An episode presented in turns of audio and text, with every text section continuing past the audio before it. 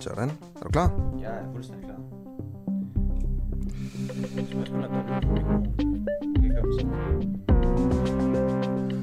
Godt, klokken den er syv. Velkommen til en uafhængig morgen. Og øh, altså, hvor mange forældre skal et øh, barn sådan have lov til at have?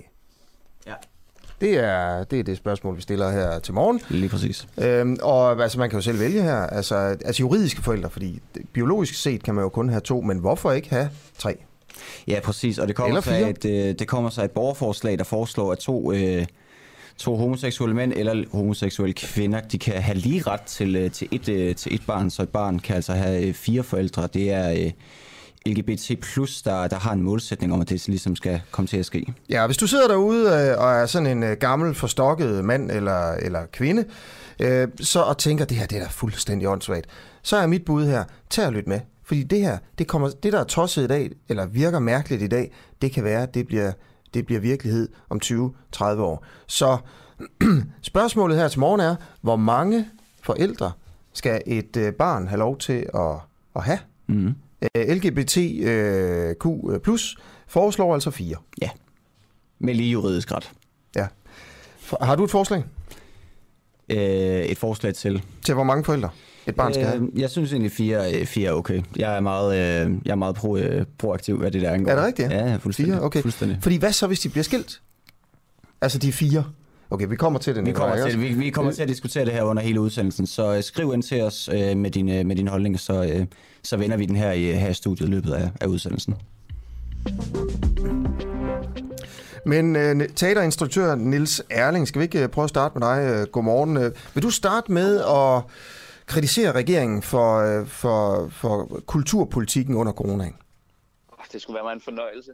Ej, jeg vil gerne kritisere regeringen. Jeg vil helt klart også gerne øh, kritisere ligesom resten af det folketing, som øh, har besluttet de nedlukninger, som vi sidder i lige nu. Øh, virkeligheden er jo den, at, øh, at teatre, biografer og museer blev lukket ned den 17. december. Og det er jo egentlig fair nok. Selvfølgelig kan man øh, forholde sig til, at der skal være restriktioner, har været nødvendigt inden for de sidste øh, to år. Øh, det, der har været vores aller, aller største udfordring, det har været, at vi allerede den 17. december, da restriktionerne blev trådt i kraft, var ude at sige, nu er det tredje gang, vi skal lukkes ned. Den her gang må vi bede om at få en ordentlig genåbningsplan. Vi bliver nødt til at få at vide, kan vi regne med, at vi bliver åbnet den 17. januar, eller kan vi ikke regne med det? Og i givet fald, hvornår kan vi få at vide, hvornår vi må åbne? Nu i går eftermiddags var Magnus Højnække ude og sige, at det, der altså har ligget øverst på regeringens liste hele tiden, det har været at få kulturen åbnet. Det er jo enormt dejligt, men jeg kan ikke forstå, at det kommer her fem døgn før vi skal genåbne. Vi har haft publikummer, der har ringet og ringet og ringet til os hele den sidste uge for at spørge os, om vi regner med at have en premiere på den forestilling, der hedder Work Bitch, som vi er ved at lave lige nu i næste uge som planlagt. Og vi har jo ikke kunnet svare dem. Vi har jo været nødt til at sidde og sige, ja, selvfølgelig har vi det velvidende, at vi givetvis skulle refundere alle billetterne en gang til. Samtidig, mm, Men men er det rigtigt forstået, at i går sagde regeringen så, at nu kommer kulturlivet til at åbne? I går eftermiddags, øh, ganske presset, ja. altså vi har jo stået en hel branche og ligesom presset på og presset på og presset på, især efter vi regnede med at få noget at vide, altså allersenest i slutningen af sidste uge, som vi ikke fik. Og hvornår åbner I? Jamen, det øh, ved vi jo stadig ikke. Det ved der, er møde ikke. klokken, der er møde klokken 11 i dag. Okay, og men- efter møde klokken 11 i dag regner de med, at vi kan genåbne på mandag, men vi ved det jo ikke Nej. reelt. Og du ville gerne have haft øh, at vide lang tid før, altså for, måske Ja. for flere uger siden, øh, om I kunne åbne på mandag for eksempel. Meget gerne. Eller i Ja. det mindste have fået at vide for fire uger siden, hvornår vi får at vide, hvornår vi gerne vil åbne. Altså ja. fordi, hvis vi nu vidste, jamen okay, svaret kommer onsdag før mandag, altså onsdagen før vi skal åbne, så havde man ligesom det at forholde sig til. I stedet går vi jo rundt, som om vi har været på en dårlig Tinder-date og, og tjekker vores telefon hver tredje minut for at se, om der er nyt. Har de skrevet? Har de skrevet? Kan vi få lov at vide, om vi kan få lov at åbne? Altså, det er jo, det er jo useriøst. Det er jo en, ja. en useriøs og respektløs behandling af en branche. Der er jo meget større, eller der er jo særlig stor smitterisiko, øh, øh, hvis man går i teateret for eksempel. Er der det? Fordi det er der Ja. nemlig ikke noget belæg for. Epi- Epidemikommissionen vurderer, at der er en særlig stor risiko for smittespredning og smitteudbrud ved begivenheder og arrangementer, hvor mange mennesker samles i længere tid. Hvorfor siger du, at der ikke er Epidemi- belæg for det, når Epidemikommissionen øh, siger det? Epidemikommissionen vurderer det, men der er jo lavet beregninger på det under øh, andet lockdown, hvor både teatre, biografer og museer lå nederst. Altså det giver jo sig selv, at når vi kan kontrollere et publikum fuldstændigt, der alle sammen sidder på hvert andet eller hvert tredje sæde med mundbind på og kigger i den samme retning, så er der jo altså mindre mulighed for smitte, end der er i for eksempel et træningscenter, som der ligger lige ved siden af os, hvor folk står undertungt rører ved alle de samme genstande. Det ved vi, fordi der er tal, der viser det. I Belgien er der lige nu en sag, man havde lukket teatrene ned, og alle teatrene gik øh, sammen til domstolene og fik omstyrtet den beslutning, fordi den restriktion var lavet uden et belæg for, at det egentlig er der, man bliver smittet. Hvordan skulle regeringen for fire uger siden kunne have vidst, om I kunne åbne her i næste uge? Og det forstår jeg godt, at de ikke kan. Men hvad man i hvert fald kunne var at komme med en langsigtet plan, der hedder, det, den her beslutning vil blive taget denne her dato, og måden I vil blive genåbnet på ser sådan og sådan her ud rent økonomisk, når I kan få lov at åbne. Men hvad vil det hjælpe dig, at, at de satte sig ned og så på smidt, altså at sige, hvis de for fire uger siden sagde, mm. om øh, fire uger, der kommer vi til at sætte os ned, se på smittetallene, og så se, om kulturlivet skal åbne. Det er det, du efterspørger. Det virker da ikke som Ja. noget, altså, man alligevel kan planlægge efter sig. Ej, det, jo, det er det da i den Nå. grad. Fordi dels så kan vi få at vide, okay, hvornår kommer, bliver den her beslutning taget?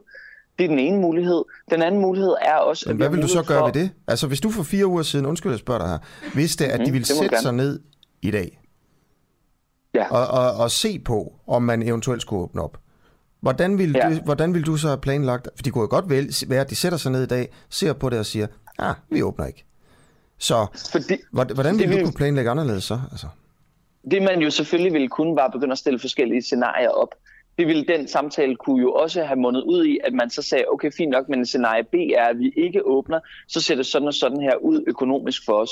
Hvis vi får lov at åbne, så ser det sådan og sådan her ud økonomisk for os. I stedet står vi jo med et kæmpe personale, skuespillere, scenografer, dramatikere, øh, øh billetpersonale, der hver dag er nødt til at mødes og sige, ved vi noget i dag? Nej. Operer, hvilke scenarier opererer vi med? Åh oh, nej, vi må lige vente og få svar. Det er jo det, der er problemet. Problemet er jo uvidsheden. Problemet er uvidsheden, fordi det er et stressende at arbejde i, og fordi det er, er, er, er ligesom umuligt at kunne forholde sig til noget som helst, når man ikke får nogen information. Og så er det jo et, så er der jo en, en samlet brancheorganisation, der har forsøgt at række ud til politikerne for at komme i dialog øh, med dem i løbet af den sidste måned. Og alle dialog er jo blevet afslået. Det er jo problemet. Og Det, det er egentlig forståeligt nok, øh, altså Niels Erling, at, at du, du savner en eller anden form for, for langsigtet plan. Du kritiserer, at, at det hele tiden er for kortsigtet. Men, Ja. men da de her nye restriktioner bliver indført der i, i den, omkring den 17. december, ikke? Der Mm. har jo en udløbsdato for, hvornår de ligesom altså, æbber ud, de her, øhm, de her restriktioner. Ja. Så, så altså, Det kan du godt sige, men, men vi ved jo af erfaring, nu står, altså, hvis det her nu var første nedlukning, så ville, ville situationen jo være en helt anden. Første nedlukning, der troede vi alle sammen, at corona ville vare tre uger, og der kan vi godt ligesom forholde os til, at okay, alt skete ligesom oven i hinanden, og vi skulle lige finde ben at stå på. Nu er der snart gået to år, og vi ved jo af erfaring, at tre uger kan meget hurtigt blive til fire måneder. Og det bliver det med, med lige fem minutter i åbningstid, så forlænger man med tre uger mere af gangen. Det vi jo efterhånden været vant, været vant til. Og kritis, hvad hedder det, kulturlivet er dem, der har kritiseret regeringen aller, aller hårdest for de manglende langsigtede planer. Mm. Fordi vi fra start af fik at vide, at det var upassende at tale om vores branche. Og det var fair nok i første runde, men altså nu står vi her i tredje runde og får stadig ikke nogen langsigtet plan. Bliver stadig ikke inviteret ind til nogen form for dialog omkring det her. Okay. Niels Erling, ved du hvad, tusind tak, fordi du vil øh, være med her til morgen og give en røffel til regeringen. Det er jo altid godt, øh, og vi snakker med, øh, med, med ordføreren på området her i, i næste time. Prøv lige at hænge på et øjeblik, fordi en anden, ja. Vi snakker med, det er Susanne Brander fra LGBT+. Fordi. Ja. vi her til morgen debatterer sådan lidt, hvor mange forældre et barn egentlig skal have. Øh, Ja. Og det, øh, jeg ved ikke, om du kender den debat, øh, men, men det er også noget, der er kommet op her efter et nyt borgerforslag, der, der stiller skarpt på blandt andet det her. Og LGBT+, Jeg har selv underskrevet det. Ja. Har du det? LGBT, Ja. LGBT plus siger, at man skal have øh, fire, man skal have lov til at have fire øh, juridiske forældre. Ja, Tænker du, Jeg er øh, fuldst- du er enig, eller? jeg, jeg er fuldstændig enig. Nå. Selvfølgelig er det det. Hvorfor? Og det har jo ikke været muligt for to mødre at blive registreret som øh, øh, forældre længe. Det er jo faktisk specifikt to fædre, der ikke kunne blive det. Øh, og det er det, som det her øh, nærværende øh, borgerforslag går Ja. på. Det, er bare, okay. det må være næsten være mig, der, er- der, der, der er gammeldags og forstokket her. Jeg tænker, det kan give noget bøvl, hvis et barn skal have fire forældre. Altså man kan sige... altså ja, hvis, men, vel, hvis ja, de bliver men- skilt alle fire, ikke? Jamen, det kan du, jeg hørte godt, du sagde det før, men altså, den situation findes jo i forvejen. Altså, to øh, mænd kan jo sagtens have et barn, eller to kvinder kan jo sagtens have et barn. Det, det gør forskellen lige nu, er, at man juridisk også kan blive anerkendt. Ja. Sådan så i det tilfælde, at øh, den ene skulle gå bort, eller øh, øh, blive skilt, at man stiller øh, begge forældre Men hvad så, hvis de alle sammen, ligesom, hvad kan man sige, lever, men alle fire bare bliver skilt? Jamen, hvad så? Altså alle fire altså, en gang? Så, det... Ja, ja, ja, på samme tid, eller hvad man siger. Jamen, så, det er jo det samme. Det, det findes jo allerede. Det kan du ikke stoppe. Det, altså, øh, man kan, der kan jo sagtens være et barn, der har fire forældre. Så, eller, så skal barnet rent juridisk, rent juridisk skal barnet så have... Eller alle fire forældre har samme rettigheder rent juridisk til barnet så? Ja. Okay. Det skal det.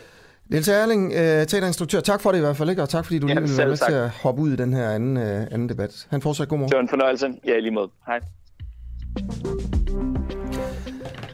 Alright. Øhm, I øvrigt en nyhedsfærdig dag. Skal vi ikke også bare være ærlige om det? Jo, øh, det, jo. Nikolaj? Jo, lad os, lad os blive... Øh, det kan vi meget hurtigt blive enige om. Ja, altså hvis man går ind på de forskellige nyhedssites her til morgen, jamen så, øh, så er der ikke sådan sket det, det store, måske den store verdensnyhed øh, er, at Nordkorea har affyret et missil. Ja, lige præcis. De har altså i går øh, kl. 23 dansk tid, der meldte Nordkorea ud, at de havde testet et hy, såkaldt hypersonisk øh, missil for anden gang på mindre end en uge, øh, efter eget udsagn selvfølgelig. Og det øh, har været en øh, stor succes, og det har endda også været fejret på den måde, at, øh, at øh, regimens leder Kim Jong-un han var til stede under den her, øh, den her test. Øh, og holder de her meldinger stik, så har Nordkorea altså sluttet sig til flere af verdens største militærmagter i kampen om at udrulle og udrulle det nye og avancerede øh, våbensystem. Og spørgsmålet er, om vi kan få bekræftet, at det er, at det er et hypersonisk missil, der er tale om, fordi de japanske myndigheder har bekræftet, jo, Nordkorea har muligvis affødt et missil, ja. men vi ved endnu ikke, hvad for et missil det er. Nej, er det noget, vi prøver at få bekræftet i løbet af morgenen? Jeg kunne virkelig kontakt godt tænke mig at få, øh, få det bekræftet i løbet af morgenen. Det, det er noget, der altid interesserer mig. Okay. Så jeg ved ikke, om vi har en linje til Nordkoreas regime Nej, herfra. Vi prøver. Ja. Godt, øh, og så bare godmorgen og velkommen til jer, der, der lytter med. Vi sender jo øh, ind til klokken 9. Du kan skrive ind til mig og Nikolaj, øh, hvis du øh, vil sende en sms, så er det 1245, så skal du bare skrive DUA først, D-U-A-H, et mellemrum, og så din besked. Du kan selvfølgelig også øh, gå ind på Facebook, øh, på vores Facebook-side, hvor vi er live, og man kan, øh, man kan kigge på os, hvis man vil, og så kan man også skrive i kommentarerne dernede. Lige præcis. Der er faktisk øh, nogle kommet, øh, kommet nogle kommentarer. Der er selvfølgelig ja. nogen, der siger godmorgen. Og så, ja, godmorgen. Øh, har, ja, godmorgen. Så Helene spurgt, om man kan se den flyer, vi har delt ud til Carlsbergs øh, medarbejdere. Det tror, ja. jeg, det tror jeg da godt kan, øh, kan arrangeres ja, det på tror en jeg. eller anden måde. Jamen, øh, ja, det kan vi godt. Den ligger et eller andet sted herude i... Øh... Prøv lige om, skal vi ikke sige om 10 minutter, så, så fortæller vi lidt om den, øh, den, den flyer, vi har delt ud, og så holder vi den op øh, foran øh, kameraet, så kan man gå ind og, og kigge der. Det gør vi altså om, om 10 minutter. Inden da øh, vil vi gerne lige holde lidt liv i en afsløring, som vi har øh, lagt frem her i forgårs. Øh, vi har fået øh, agtindsigt. Vi søger agtindsigt i en masse ting øh, hver eneste dag, og har fundet ud af, og her kommer det, at 120 udvisningsdømte kriminelle er stukket af. Altså det vil sige, det er udlændinge, som er dømt for noget kriminelt i Danmark, så har de udstået deres straf, og så kommer de på udrejsecenter, for eksempel Kærshovedgård. Og øh, der skal de så blive, indtil de kan forlade landet. Men der er altså 120, der er stukket af, og lige nu er efterlyst af politiet. Det viser den her agtindsigt fra Udlændingsstyrelsen, som vi har fået fingrene i. Og det opsigtsvækkende er jo også, at ingen ved, hvor de er. I hvert fald ikke nogen, vi har talt med endnu. Vi har talt med både Socialdemokratiet og Nye Borgerlige. Og øh, de her retsordfører, de har jo siddet, øh, nogle af dem i en menneskealder, og altså kender øh, til de her debatter og har en masse viden om, om området. Blandt andet Peter Skåb fra Dansk Folkeparti, der har været retsordfører så længe jeg kan huske mm. i hvert fald. Og derfor er spørgsmålet så også, om han ved, hvor øh, de eventuelt kunne være, de 120, der er stukket af. Nej, det ved jeg ikke, men jeg kan jo gætte på det, og jeg mener, at politiet og myndighederne skal finde ud af, hvor de, de er henne, fordi jeg synes jo, det er en skandale, når udvisningsdømte kriminelle kan gå frit rundt i Danmark. Hvorfor? Fordi der er en risiko for, at nogen, der er udvisningsdømte, det er jo på baggrund af kriminalitet, at de kan finde på at begå ny kriminalitet. Og øh, hvis man ikke har styr på, hvor de er henne, øh, og enten får dem hjemsendt eller i fængsel, jamen så er risikoen jo bare, at de øh, opholder sig illegalt i Danmark og begår den her nye kriminalitet. Og vi ser desværre en del kriminalitet i Danmark begået af udenlandske bandemedlemmer for eksempel. Øh, nu er der jo tale om 120 personer, som, øh, som er efterlyst af politiet. Altså, ved du noget om, hvad de er dømt for? Det ved jeg ikke med sikkerhed, hvad, hvad de er dømt for, men jeg må gå ud fra, når I har øh, fundet de her tal, at det, at det er korrekt, og, og så må vi jo håbe på, at myndighederne kan fortælle, øh, hvad de er dømt for. Jamen, det er også, jeg spørger bare dig, jeg ved godt, at, at du, ikke du er ikke inde i maskinrummet, Peter Skåb, men du har jo været retsordfører, jeg ved ikke, altså hvor mange år er vi egentlig oppe på? Det er mange. Ja, det er mange, ikke? Al den tid, Jo. jeg har været journalist i hvert fald, tror jeg. Okay, Men, øhm, ja. men, men, men Peter Skåb, altså, der er vel tale her om altså, folk, der både kunne være mordere og altså, terrorister og, og den slags ting, eller hvad? Det øh, må jo øh, det må jo regeringen jo svare på. Altså, vi kan jo tage de her oplysninger og, og bede regeringen komme med et bud på, hvad, hvad er det for nogle mennesker, hvad har de begået af kriminalitet. Øhm, tallene er nye for mig, men, men jeg synes, at regeringen må svare på det. Det er dem, der sidder på hele apparatet. Og hvad, tænker du om, om tallet her? 120 er efterlyst. Er det, som du måske altså, havde forventet, eller er det et højt tal, eller et, et lille tal, eller hvad, er- hvad er sådan dine tanker om det tal? Jeg synes, at det er enormt højt tal. Og, jeg synes, at øh, regeringen og integrationsministeren må redegøre for sagen. Jeg synes, det er en skandale, hvis der er folk, der går frit rundt, som egentlig burde være udvist eller frihedsberøvet. En skandale. Det synes jeg. Hvad så, hvis de er taget til udlandet?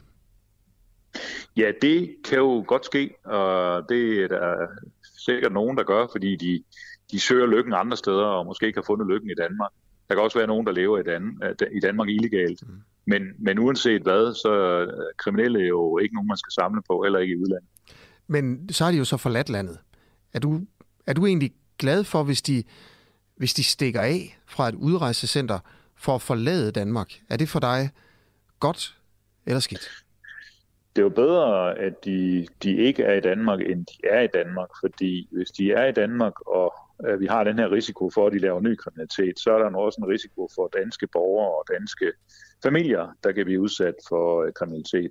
Men øh, godt er det ikke. Så det, du synes, det er bedre, at de er på et udrejsecenter, end at de stikker af og rejser ud af landet? Jeg synes, det bedste vil være, at de blev hjemsendt til det land, de kom fra. I og med, at de er Ja. udvisningsdømte, så er det jo udlændinge. Det vil sige, at de kommer fra et andet land end, end Danmark, og derfor skal de jo tilbage til det land, de kom fra. Det er klart, men hvis du skulle vælge mellem, at de skulle være på udrejsecenteret, øh, der er mange af dem, der ikke af praktiske omstændigheder ikke kan blive sat på et fly, som du jo gerne vil have.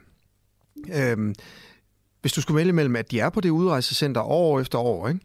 Øh, eller at de stikker af ulovligt og bliver efterlyst, men forlader landet og rejser til Tyskland. Hvad er så bedst?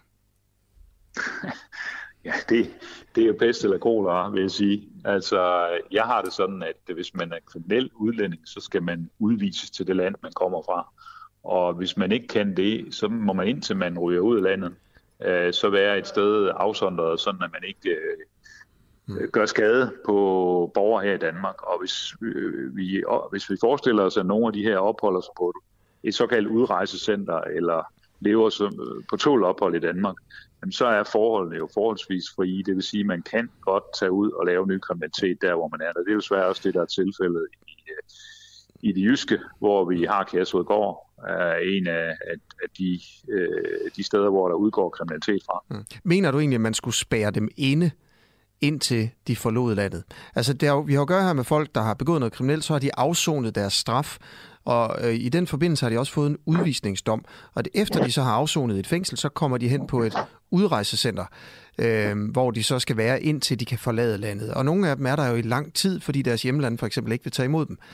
Øh, mener du, at man skulle spære dem inde, så de ikke kunne stikke af, indtil den dag, de forlader landet? Ja, det mener jeg helt klart.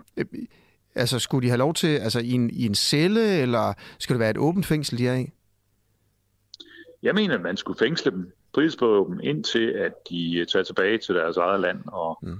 og øh, det, det vil være den bedste sikkerhed, vi kunne opnå. Øh, Den nuværende situation, den er helt uacceptabel. Ja. Skulle de have lov til at være i et åbent fængsel, eller skulle man, skulle man sætte dem ind i, i, i celler, hvor de kun får lov til at forlade cellen en gang eller to om dagen?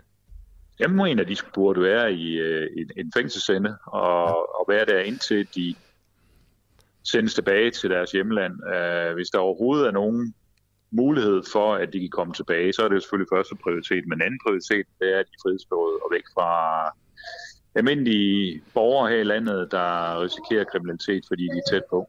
Skulle man gøre mere for at gøre livet surt for dem, end at sætte dem i en fængselscelle?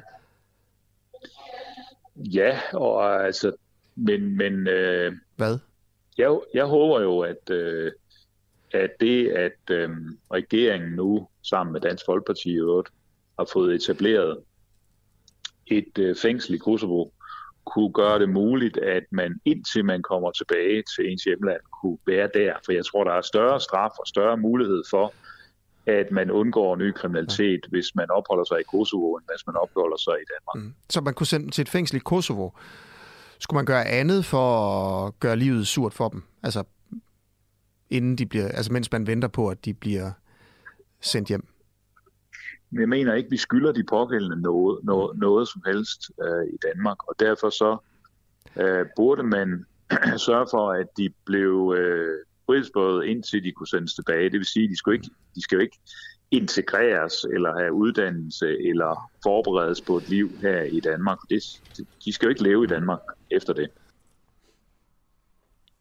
Og fra, øh, ja, det således øh, var, det, var det Peter Skåb, retsordfører for Dansk Folkeparti. Lige om lidt, så skal vi snakke med en anden, øh, et andet medlem af Dansk, øh, Dansk Folkeparti. Og det er en person, der har sagt, at USA er det nye, øh, nye Sovjet. Hvem det er og hvad det går ud på, det kan du altså høre lige om lidt. Om cirka et kvarter, der snakker vi med Thomas Vest, som er øh, politimand igennem 30 år. Han har givet os nogle tal, der viser, at der ligger lige nu 48.000 uopklarede sager hos politiet, hvor... Øh, hvoraf at, øh, at tallet stiger med 13.000 uløste sager om året. Præcis hvad det er for en type kriminalitet, det kan du høre med om øh, cirka et kvarters tid, når ja, vi snakker Det er en særlig slags kriminalitet. Det er en meget, meget specifik øh, slags øh, kriminalitet. Okay. Spørgsmålet er jo også her, når der er så mange sager, uopklarede sager, og, det, og den der bunke med uopklarede sager vokser med 13.000 om året, altså om det er sådan de facto rimelig konsekvensløst at begå lige præcis den form for kriminalitet, ikke? Jo, præcis. Er det simpelthen for let at slippe, med, ja. slippe, slippe for, for straf med lige præcis den her, den her type? Hvad det er, kan du som sagt høre kl. 7.35. Okay, og vi har lovet at vise det her øh, postkort, eller hvad kalder man det? Ja, Et kort? flyer, tror jeg, flyer. Vil, tror jeg, vil kalde det. Ja, så kan man kigge ind på Facebook-siden, hvis man vil se det. Det er simpelthen bare en flyer, øh, hvor øh, vi har lavet, som vi delte ud øh, hen ved Carlsberg, mm. øh, med et billede af den hvide russiske præsident, skråstreg øh, diktator, ja, Lukashenko. Europas sidste diktator. Ja, probably the worst dictator in the world. Ja. Uh, og det er jo fordi, der er en vis sammenhæng uh, mellem uh, Carlsberg og Lukashenko, som uh, Carlsberg nægter at tale om. Hvis man følger sådan løbende her på den uafhængige, så, vil, så finder man lige så stille ud af, hvad det egentlig er for en, en sag, vi, vi taler om mm. her.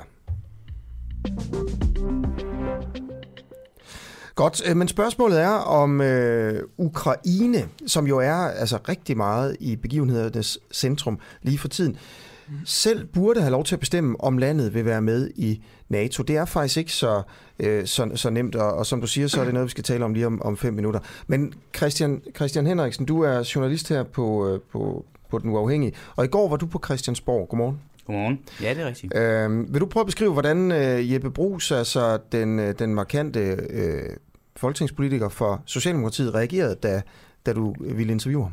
Ja, altså til at starte med reagerer han jo egentlig fint nok, fordi jeg, jeg afbryder ham midt i en samtale, og øh, føler egentlig der, at jeg er lidt uhøflig, men det tog han egentlig meget pænt. Okay. Og så giver jeg til at kende, øh, hvem jeg er, hvor jeg kommer fra, og hvad jeg gerne vil spørge ham om. Og så øh, tog øh, samtalen lidt en anden drejning, øh, og han begynder at øh, fortælle mig, at jeg er ekstremt provokerende, og at jeg chikanerer ham, og at mm. jeg spammer ham, og at hvis han kunne, og det drejer sig vist ikke om, at, at man ikke kan, men at han ikke ved, hvor funktionen ligger, så vil han blokere mig og helt nu afhængig fra hans øh, Facebook-side. Okay, så lad os prøve, hvad er, hvad er, det, du, øh, hvad er det du og vi gerne vil spørge øh, Jeppe Brugs om? Vi har jo siden øh, midten af december, jeg tror faktisk, vi har lige omtrent månedsdag med ham i dag, forsøgt at få svar på, øh, hvorvidt at øh, Tage Pedersen har ret i, at Jeppe Brugs lyver. Øh, Jeppe Brugs har udtalt, at man ikke har øh, slået mink ihjel. Man har ikke tvunget minkavler til at slå mink ihjel, efter man var bekendt med, at man ikke havde lovhjemmel til at gøre det. Ja. Det siger Tage Pedersen er lodret løgn. Og Tage Pedersen han er formand for minkavler. Præcis, ja. ja. Det siger Tage Pedersen er løgn, eller også så kan Jeppe Brugs i hvert fald bare ikke finde ud af sit arbejde, siger han. Ja. Og øh, det er jo en rimelig hård anklage, mm. så det vil jeg egentlig bare gerne have svar på fra Jeppe Brugs, om hvorvidt at det er rigtigt, at han lyver. Ja. Så derfor har vi forsøgt at få kontakt til ham af helt almindelige øh, veje, som vi plejer. Vi ringer til kilder, vi sms'er dem, vi skriver til dem. Han har ikke svaret, han er ikke vendt tilbage. Mm. Vi har fået en enkelt sms, hvor der er stået, ring til mig senere. Men ja. det har vi så prøvet, det har ikke hjulpet. Så begynder vi at øh, kontakte ham på Facebook. Ja. Jeg kommenterer... Og det er det, han mener for eksempel er chikane. Han er rasende. Jeg kommenterer tre af hans opslag ja. og et profilbillede. Og dermed mener han, at vi har spammet ham. Mm. Jeg, altså, hvis, hvad skriver du i... Jeg skriver til ham, øh, om, øh, om, øh, om det er rigtigt, hvad Tage Pedersen, formand for Danske Minkavlere, siger, at han lyver. Øh, kan han bede eller afkræfte det? Er det rigtigt, at de stadigvæk pressede minkavlere til at aflive deres mink, efter de var bekendt med, at der ikke var lovhjemmel til det? Ja. Det skriver jeg og spørger om, og det er simpelt ja-nej spørgsmål. Ja. Så altså selv hvis han, selv hvis han øh, har så travlt, som man kan få det indtryk af, at han har, så kunne han måske prioritere tiden til at svare ja eller nej ja. på det. Ja. Han begynder så at slette det, de opslag, jeg laver. Og derfor, ja, og jeg ved jo ikke, det kan godt være... Så altså de kritiske spørgsmål, du stiller inden under, altså i kommentarerne på hans egne Facebook-opslag, de bliver slettet? Ja, det gør de. Og jeg ved ikke, om hans Facebook har sådan en eller anden automatisk funktion med, at den sletter kommentarer efter et eller andet antal dage. Mm. Men øh, jeg vælger i hvert fald at tage til Christiansborg for at høre ham ad om, hvorfor han sletter dem, og hvad svaret på spørgsmålet er. Ja. Okay. Og så bliver han rasende. Så bliver han rasende. Godt, jamen det, tak fordi du vil øh, komme ind og fortælle om det, Christian Henriksen, øh, journalist ja, her. Ikke? Øh, øh, det er også dig, der har lavet det her, den her flyer, vi deler ud til, til Carlsberg. Det, ja. ikke? Mm. Og også i øvrigt en måde, som vi prøver at få kontakt til magthavere på. Altså mm. det er jo også sådan den lidt, hvad kan man sige, større historie om, hvad vi er for et medie. Øh, når, når man ringer til dem, nu har jeg jo været på, på DR, på 24-7 og sådan noget, ikke? og siger, når vil I være med til et interview, så siger de, nej tak, hvis, det er en, hvis de har en dårlig sag nogle gange, ikke? Mm. Øh, som Jeppe Brugs måske har her, eller Carlsberg har i forhold til Hvide Rusland. Øh, og så er det ligesom det. Og så tænkte vi, det, det vil vi ikke finde os i. Altså, så vi, vi prøver at stille spørgsmålene på andre måder. Ikke? Altså for eksempel øh, i kommentarsporene på deres egne øh, Facebook-opslag, eller ved at dele flyers ud foran Carlsberg. Det er meget godt opsummeret. Klokken er 4 minutter i halv 8. Du lytter til den uafhængige øh, Nikolaj Jul og Asger Jul i studiet. Yes. Ja. Lige om lidt så ringer vi øh, til vores øh, eftermiddagsvært Steffen Larsen og spørger, hvad der sker i, i eftermiddagsprogrammet. Ah ja. Okay. Jeg glæder mig til at høre det. Yes. Må Ukraine selv bestemme, om Ukraine vil være medlem af NATO? Det er faktisk ikke så nemt at, at svare på. USA og Rusland de forhandler lige nu om Ukraines fremtid. Og et af Ruslands krav, det er, at Ukraine ikke må blive medlem af NATO. Marie Krav, du er folketingsmedlem for Dansk Folkeparti. Øh, synes du, at Ukraine skal være medlem af NATO, hvis altså Ukraine gerne vil? Godmorgen. Godmorgen. Altså, jeg synes jo ikke, det er det, som forhandlingerne handler om. Men, øh, men øh, jeg synes, at øh, NATO skal lade være med at invitere Ukraine ind i øh, i, i organisationen, fordi det gavner ikke vores sikkerhed eller Ukraines sikkerhed. Hvorfor ikke? Jamen, hvis det nu var sådan, at øh, Mexico og Canada blev inviteret ind i en øh, organisation, som øh, støttede øh, en fjendtlig stat, ville det så gavne nogens sikkerhed, at, at de gjorde det? ville USA synes, at det var en rigtig, rigtig, rigtig god idé, fordi de frivilligt fik lov til at bestemme, at de ville melde sig ind i en fjendtlig organisation. Altså det, det tror jeg, det ville være meget, meget, meget ked af synes, at det øh, ødelagde deres sikkerhed. Og det er jo den måde, som, som russerne ser på det på. Ja. At de synes, det bliver en mere anspændt situation, og at man kommer tættere på et øh, eventuelt krigsudbrud, hvis en øh, nabostat bliver direkte en, en fjendestat. Ja. Så du, du sammenligner det lidt med, hvis øh, Mexico indgik en øh, militær alliance med, ja. øh, med Kina eller Rusland for eksempel, og der blev opstillet øh, tropper, øh, kinesiske tropper ved, ved, ved, Texas, ved grænsen til Texas øh, øh, og Montana for eksempel. Øh, så vil, det er ikke øh, mig, der sammenligner. Det, det, det er russerne, der gør det. Det er den måde, okay. de ser det på. Okay. Okay. Og det er den måde, at de, de, de forstår det på og synes, at det er, er virkelig mærkeligt, at de bliver betragtet på den måde. Hvad, hvad så med synspunktet om, at øh, det må Ukraine da på en eller anden måde selv om, altså hvilken militær alliance de gerne vil, øh, det land gerne vil tilhøre? Øh, hvorfor skulle ja. Ukraine ikke selv have lov til at bestemme det? Jamen, det er fuldstændig rigtigt. Øh, Det skal de selvfølgelig selv have lov til. Men det man bare kan spørge, det er, hvorfor gøre noget, som mindsker alles sikkerhed. Altså, man kan sige, at Danmark kunne jo i princippet også selv bestemme, hvem man vil være medlem af, og det gør vi jo også. Ikke? Men øh, vil det gavne vores sikkerhed, for eksempel at skifte NATO ud med øh, et, øh, en alliance med, med Rusland eller neutralitet? Altså, det, det, det skal vi øh, tænke over. Det er et alvorligt spørgsmål, og det er ikke noget, man bare lige skal gøre der øh, bør Ukraine også, og det gør de selvfølgelig også, stille sig selv det spørgsmål. Ikke? Og øh, NATO skal selv stille sig det spørgsmål. Er det virkelig det, som, som vi gerne vil? Er, er vi mm. virkelig sikre på, at alle vores medlemmer får mere sikkerhed i posen af, at vi inviterer det her land? Ja, og hvis man stiller øh, dig det spørgsmål, øh, Marie Krab, og det, grund til, at vi også ringer til dig, det er, fordi du har en stor indsigt i, i russiske øh, forhold.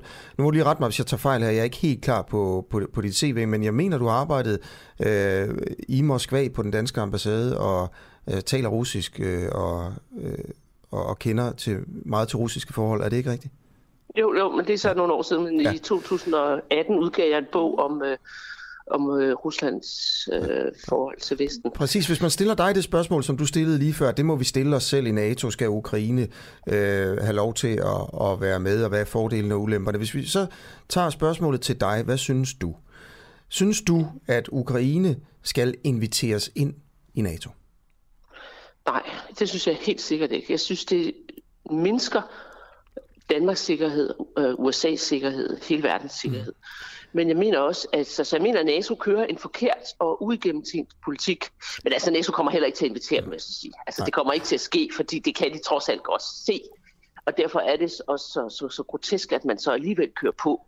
Men altså, der er jo mange forskellige spil i det her. Men i hvert fald, så mener jeg, at NATO er meget, meget problematisk i dag altså Danmark skal selvfølgelig være medlem af NATO, fordi NATO er der, og vi er allieret med USA, men NATO burde ikke være der, fordi NATO er en koldkrigsopfindelse, som havde en funktion, og en meget, meget fornuftig og vigtig funktion under den kolde krig, det var at holde kommunismen kommunismen ude mm. af Europa. Nu er kommunismen væk, og så har man ligesom ændret sit, sin, sit formål til at øh, holde Rusland ude. Og, ja. og, og det synes jeg er virkelig, virkelig mærkeligt. Okay. Øh, øh, hvis vi tager Ukraines sikkerhed, er det så, er spørgsmålet her, jeg også gerne lige vil stille dig, er, øh, er det godt for Ukraines sikkerhed, hvis Ukraine blev medlem af NATO? Lige nu er der opmarcheret russiske tropper på grænsen til Ukraine. Der bliver spekuleret i, om, øh, om øh, Putin vil angribe. Der bliver født, ført en proxykrig i, i, i sådan den, den østlige del af Ukraine, en proxykrig, som Rusland stoppe af. Så det kan jo, man kan jo godt forestille sig, at ukrainerne ville tænke, at det ville være meget ret for deres sikkerhed at komme med i NATO. Hvad, hvad, hvad tænker du, ville det være godt for Ukraines sikkerhed, hvis Ukraine kom med i NATO? Det vil være godt for det vestlige Ukraines sikkerhed, men ikke for det østlige. Altså Ukraine er jo en del nation, hvor man har øh, en meget stor del. Så, altså alle, alle er ukrainere og har sådan set en ukrainsk identitet, men der er to udgaver af den. Og den del, som er vestligt vendt og ønsker at være en del af, af EU, de vil synes, at deres sikkerhed bliver forbedret af, at man kommer med i NATO og EU. Og dem, som er, har en mere øh, russisk øh, mentalitet og har russisk som deres daglige sprog, øh, de vil synes, at deres øh, sikkerhed bliver mindsket. Men dem hører vi jo ikke til, fordi de bliver jo undertrykt. Mm. Så derfor er det det vestlige Ukraine er interesseret i det her, og de vestlige Ukraine har jo domineret øh, Ukraine siden øh, kuppet i 2014, øh, der, da Krim blev indlemmet i, i Rusland og øh, Majdan og alt det der. Siden da har de jo kørt med klatten, og det er klart, at, at de har øh, en stor interesse i, at med EU's og NATO's hjælp at få undertrykt den mm. østlige del, sådan at de får deres vilje og kommer med i den vestlige klub. Så vi er jo med i et beskidt spil internt i Ukraine, når vi støtter øh, deres ønske om at komme med i NATO og EU. Og der, det synes jeg ikke er rigtigt. Der synes jeg, man skal sige til ukrainerne, det her, det må jeg altså selv finde ud af. I må selv finde ud af jeres egen butik, og I er også nødt til at lytte dem, der bor over i den østlige del. Ja.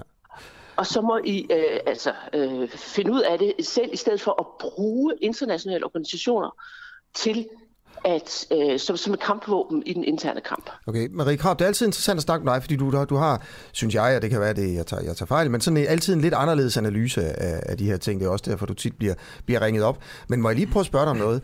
Du, du, du sagde lige nu her, at i 2014, dengang russerne øh, tog, øh, tog Krim blandt andet, øh, så kaldte du det for kuppet i 2014.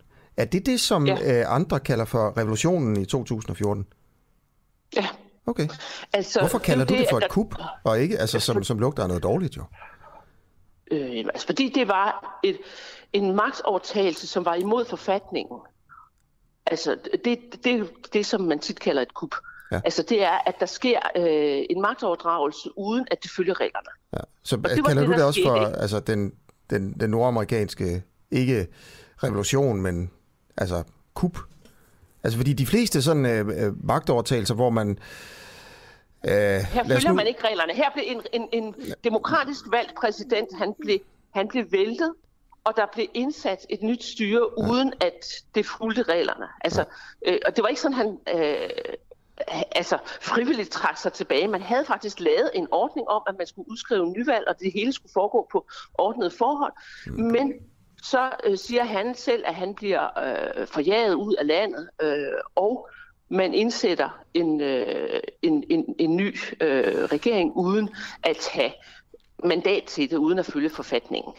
Og dem, der er i Øst, som har stemt på denne her øh, øh præsident Janukovic, de er jo selvfølgelig fuldstændig rasende, fordi altså prøv at tænke, hvordan Socialdemokraterne ville have det, hvis man bare siger, øh, hvad hedder det, ja, jo, Mette Frederiksen til, øh, til Sverige, og sagde, og nu er vi ligeglade, vi laver ikke nogen øh, afstemning eller noget som helst, øh, vi tager bare øh, og sætter øh, Ellemann ind, mm.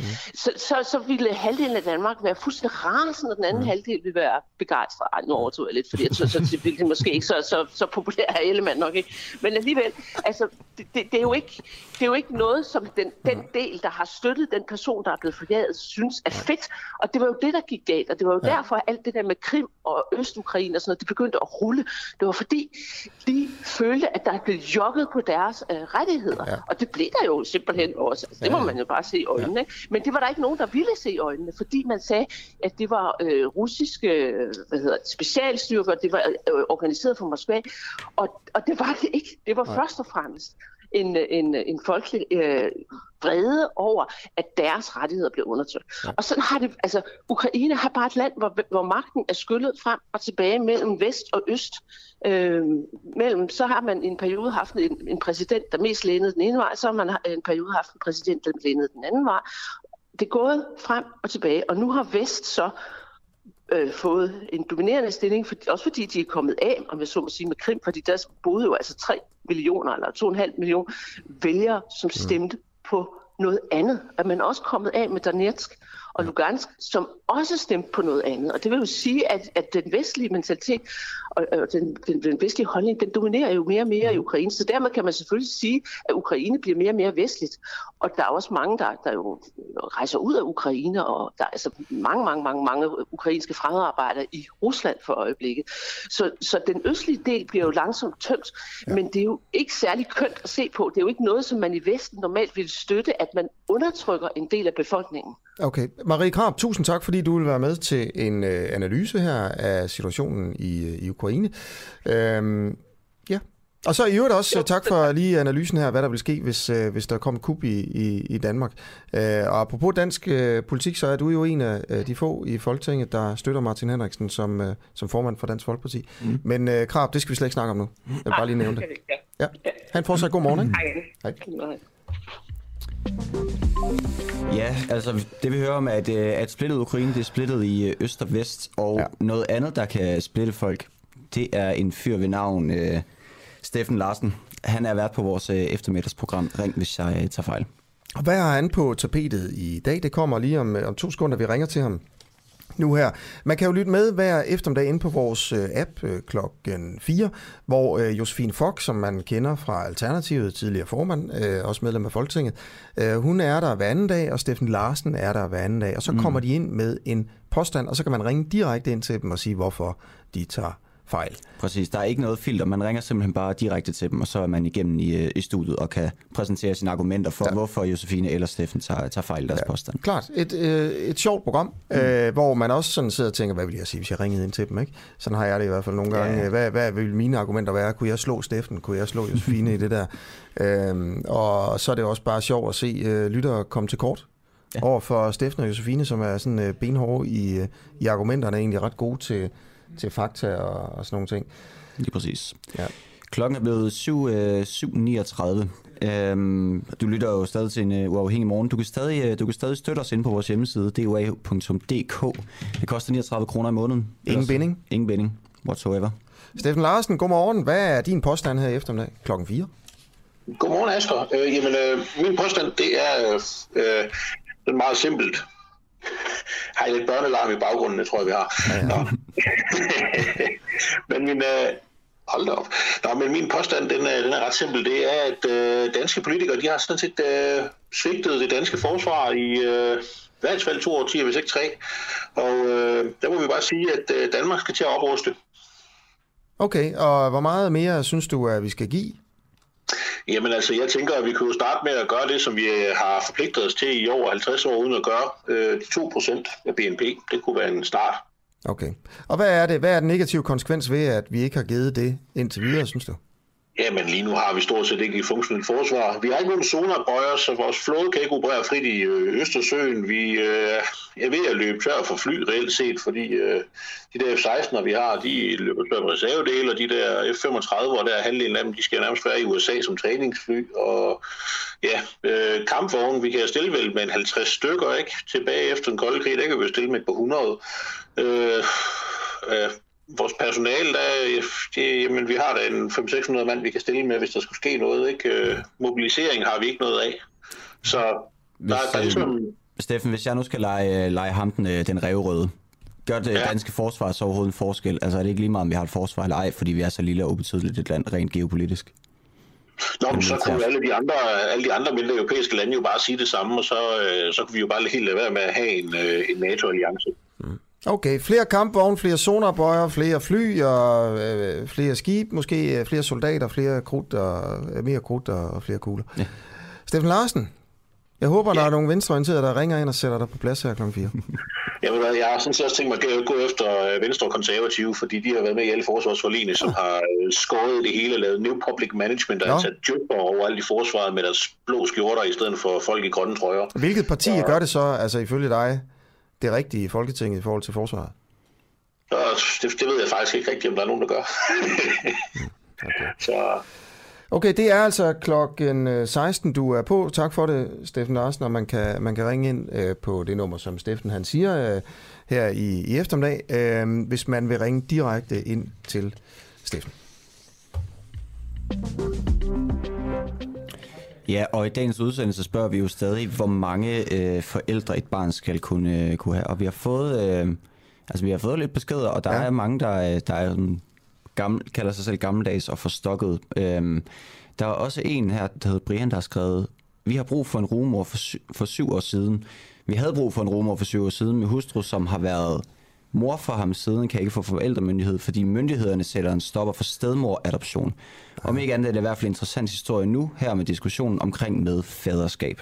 Ja, øh, det er jo sådan, at der er et nyt øh, borgerforslag, der stiller øh, skarpt på, på det her med, hvem skal egentlig have lov til at være fædre, og hvem skal have lov til at være mødre. Skal øh, to øh, mænd for eksempel have lov til at være øh, forældre, begge to. Ikke? Og det åbner også op for muligheden for, at der skal være flere forældre til ét barn. Altså, det er der jo i forvejen. Der er jo som regel, eller det er jo altid en mor og en far. Men øh, øh, LGBT for eksempel, altså Foreningen for Bøsser og Lesbiske og Transpersoner og øh, andre øh, folk med andre øh, kønsidentiteter, de mener, at øh, den forening mener, at man skal have og man skal kunne have fire forældre som barn. Mm. Øh, det er jo for eksempel, hvis der er et par, øh, et lesbisk par og et bøssepar, som så vælger at få et barn sammen, hvor to af dem ligesom øh, øh, bliver biologiske forældre, så skal alle fire have sådan juridiske rettigheder som forældre. Det kan man læse ind på LGBT's øh, hjemmeside, og vi skal snakke med øh, en fra LGBT her i næste time, ja. for at høre, hvorfor man skal have lov til at have fire forældre. Og spørgsmålet er så, altså, hvor mange forældre et barn egentlig skal have lov til at, at have, sådan rent juridisk. eller måske, fordi børnene vælger jo ikke her. Det er jo også, altså, for at være helt ærlig, så er det jo ikke, så er det også forkert stillet, det spørgsmål. Det handler jo ikke om, hvor mange forældre børn skal have ret til at have. Det handler om, hvor, hvor stor en forældregruppe skal have ret til at være forældre til et barn. Ja. Og der er LGBT's bud så fire. Øh, hvor mange synes du? Du kan skrive ind til Nikolaj og mig. Ja. 1245 på sms. Bare skriv DUA først, D-U-A-H, mellemrum, og så et tal. Det kan jo være øh, fire, som du for eksempel synes, øh, Nikolaj. Øhm, Ja, nu sagde jeg jo fire, men det er jo i forhold til forslaget. Og, altså, jeg, jeg er egentlig også ret interesseret i at vide, hvor, hvor grænsen går for, øh, for Susanne, Susanne Brander, som vi skal snakke med senere. Ja. Fordi kunne det ikke også være seks? Kunne det ikke også være otte? Altså, altså det, det, det, jeg kunne godt tænke mig at vide, hvor... hvor det kunne godt ligesom blive lidt bøvlet, ikke også? Det er jo også jo, ligesom det. det. Altså, det, hvad, det kan være, det er meget rart for forældrene. Men det er jo også, der er jo også ligesom et barn at tage hensyn, uh, hensyn til her. Okay, skriv også til os inde på Facebook, hvis du skulle have lyst til det. Nu til en rigtig interessant historie. Uh, en historie, der handler om, uh, at uh, politiet ikke rigtig når at efterforske de mange tusind sager om økonomisk IT-kriminalitet. Det er helt vilde tal. Prøv at høre efter her. Nye tal viser, at 48.000 uopklarede sager med IT-relateret økonomisk kriminalitet ligger inde hos politiet. 48.000 sager er ikke blevet opklaret, og vi kan se på tallene, når vi går lidt nogle år tilbage, at den her bunke med uopklarede sager, den vokser med 13.000 uopklarede sager hvert år. Og nu er man altså oppe på 48 1000. Thomas Vest, du er politimand gennem 30 år og har blandt andet efterforsket øh, sådan noget kriminalitet her, og du er lokal og regional politiker for Nye Borgerlige også, skal vi lige sige her. Øh, Så med din erfaring, hvornår tænker du, at politiet er i bund med, øh, med, med de her øh, 48.000 uopklarede sager? Godmorgen. Ja, godmorgen. Jamen, øh, jeg kan ikke se en realistisk tidshorisont, som det er nu, fordi udviklingen er jo eksplosiv, som, som I har beskrevet det. Øh, der ligger jo op mod 70.000 anmeldelser om året. Og, øh, og politistyrkens antal og prioritering, det, det kan slet ikke følge med. Nej. Så, så lige nu øh, er der ingen udsigt, desværre. Øh, det er min bedste vurdering.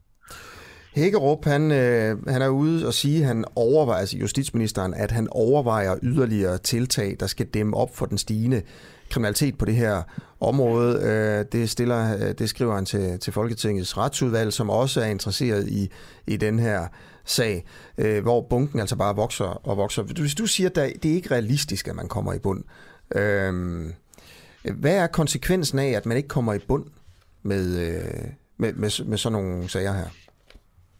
Jamen, det har jo store konsekvenser for, for dem, der er forurettet i sagerne. Øh, man kan selvfølgelig sige heldigvis, at at størstedelen af dem de her mindre sager, altså hvor, hvor øh, folk øh, snyder hinanden for, for mindre beløb på den blå avis og sådan noget, men, men der er også rigtig mange sager med, med, med store økonomiske beløb, som de får rettet kommer til at på øh, resten af deres liv, og derfor er, er det jo meget, meget alvorligt for de mennesker, at sagerne ikke bliver efterforsket. Og så, så er konsekvensen vel også, at, at gerningsmændene slipper afsted med det? gerningsmændene slipper mange gange meget nemt afsted med det, men der er jo to sider. Altså internetkriminaliteten er nogle gange svært at finde gerningsmanden, fordi øh, ja, hvem er det, der sidder på den anden side af tastaturet ude i den anden ende og, og, og snyder og bedrager og får pengene i kassen. Øh, men konsekvenserne for det, for det forurettede er, er måske det, det aller værste, og måske det mest oversete i, i, i uh, problematikken. Okay. Kan økonomisk uh, IT-kriminalitet betale sig? Det kan det. Øh, ekstrem summer. Øh, hvis man kigger sådan ind over de, de sidste år, så tror jeg, at de fleste har lagt mærke til, at, at nogle af de økonomiske sager løber op. Øh, jeg er selv i to milliardbeløb for den værste med udbytteskat. Men, men altså, det er voldsomt organiseret, og det er mange gange i, i mange hundrede millioner kroner, og, og, og øh, det er ligesom om, den udvikling kører bare derud af, øh, samtidig med, at det, det hele bliver mere og mere digitaliseret, så, at det bliver nemmere at snyde med de summer i, i størrelser. Så det du siger, det er, at økonomisk IT-kriminalitet kan betale sig, og øh, politiet kommer ikke i bund med sagerne? Det er fuldstændig korrekt. Hvad er det for nogle øh, sager, der er tale om her? Øh, hvis vi tager det IT, så, så er der jo sådan en sammenblanding. Hvis man sådan vil, vil læse nærmere, så har LTIC jo lavet en årsrapport, hvor, hvor de sådan ligesom rubricerer, hvad er det for nogle forskellige ting. Øh, Og de fleste er jo de her sammenhængsting, som vi måske ikke kender. Man kan, man kan handle hvor som helst, og man skal betale for ud af MobilePay. Og så får man ikke sin vare, man har betalt et eller andet beløb. Det, det er jo dem, der er rigtig mange af. Øh, men der er også de her, hvor øh, mere grove, hvor øh, folk bliver afpresset. Måske til at aflevere deres nemme idé, som, hvor deres identitet så bliver misbrugt til at optage øh, rigtig mange lån, øh, købe biler og BU-anlæg, kontantlån, benzinkort og alt muligt andet, hvor folk bliver øh, dybt forgældet.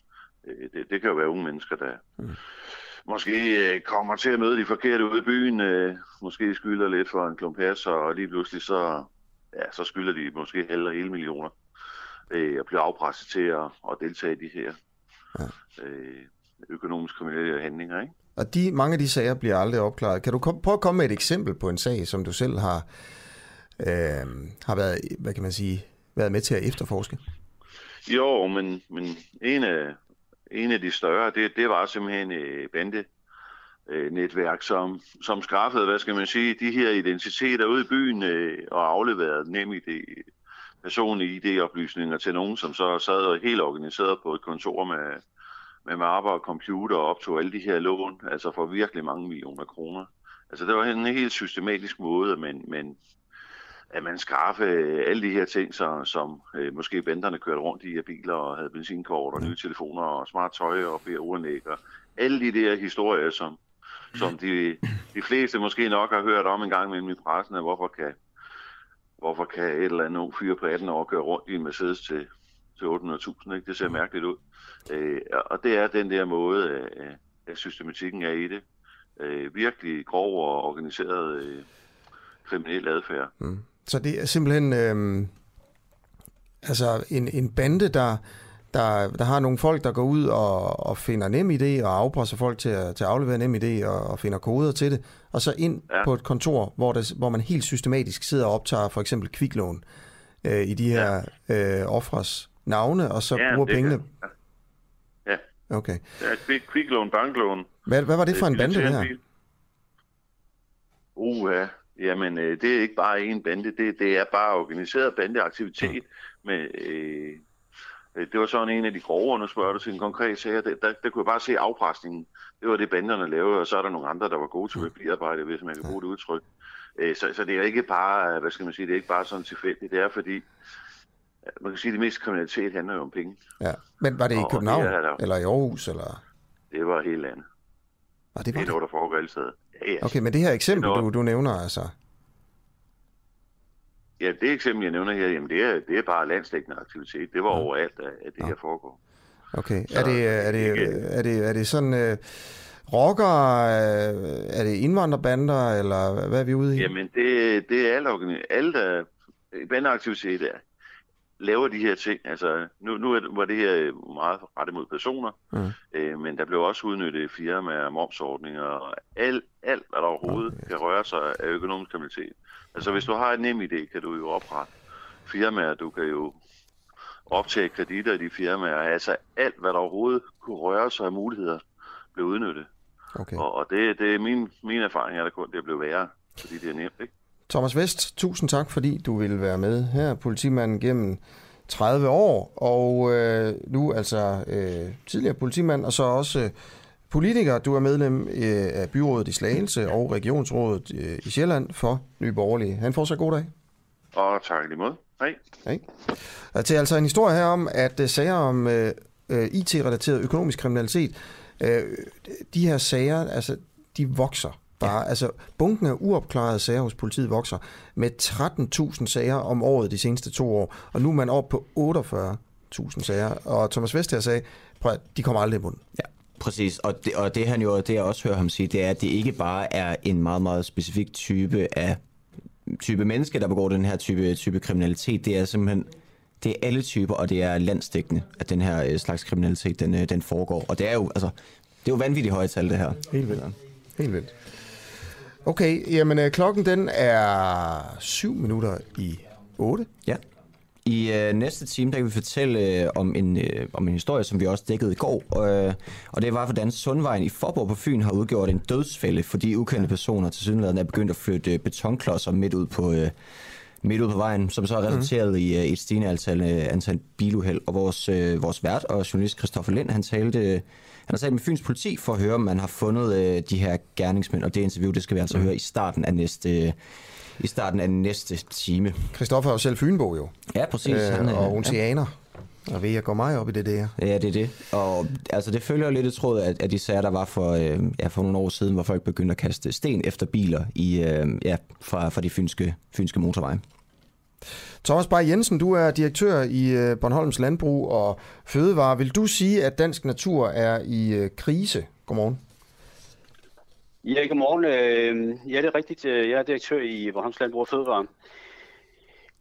Jo, altså naturen øh, er øh, under pres. Altså det, det er ikke et område, eller det er ikke et spørgsmål, som vi benægter. Altså det er, øh, vi, øh, vi har en, øh, en brug af vores jord, som, som gør, at vi over mange år har fortrængt øh, noget af den natur, som vi kendte fra gamle dage. Okay.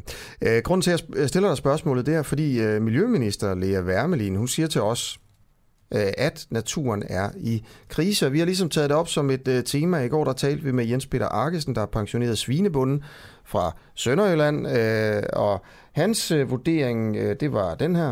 Vi oplever også det herude, det er, at dyrelivet har udviklet sig de senere år. Vi har sågar sidste sommer ulve herude på vores marker, og en, en af de ting, øh, som jeg lige læser til morgen i avisen, det er, at øh, mor at man i Sønderborg Kommune skudt 300, det er noget af det, som øh, er hård ved dyrelivet.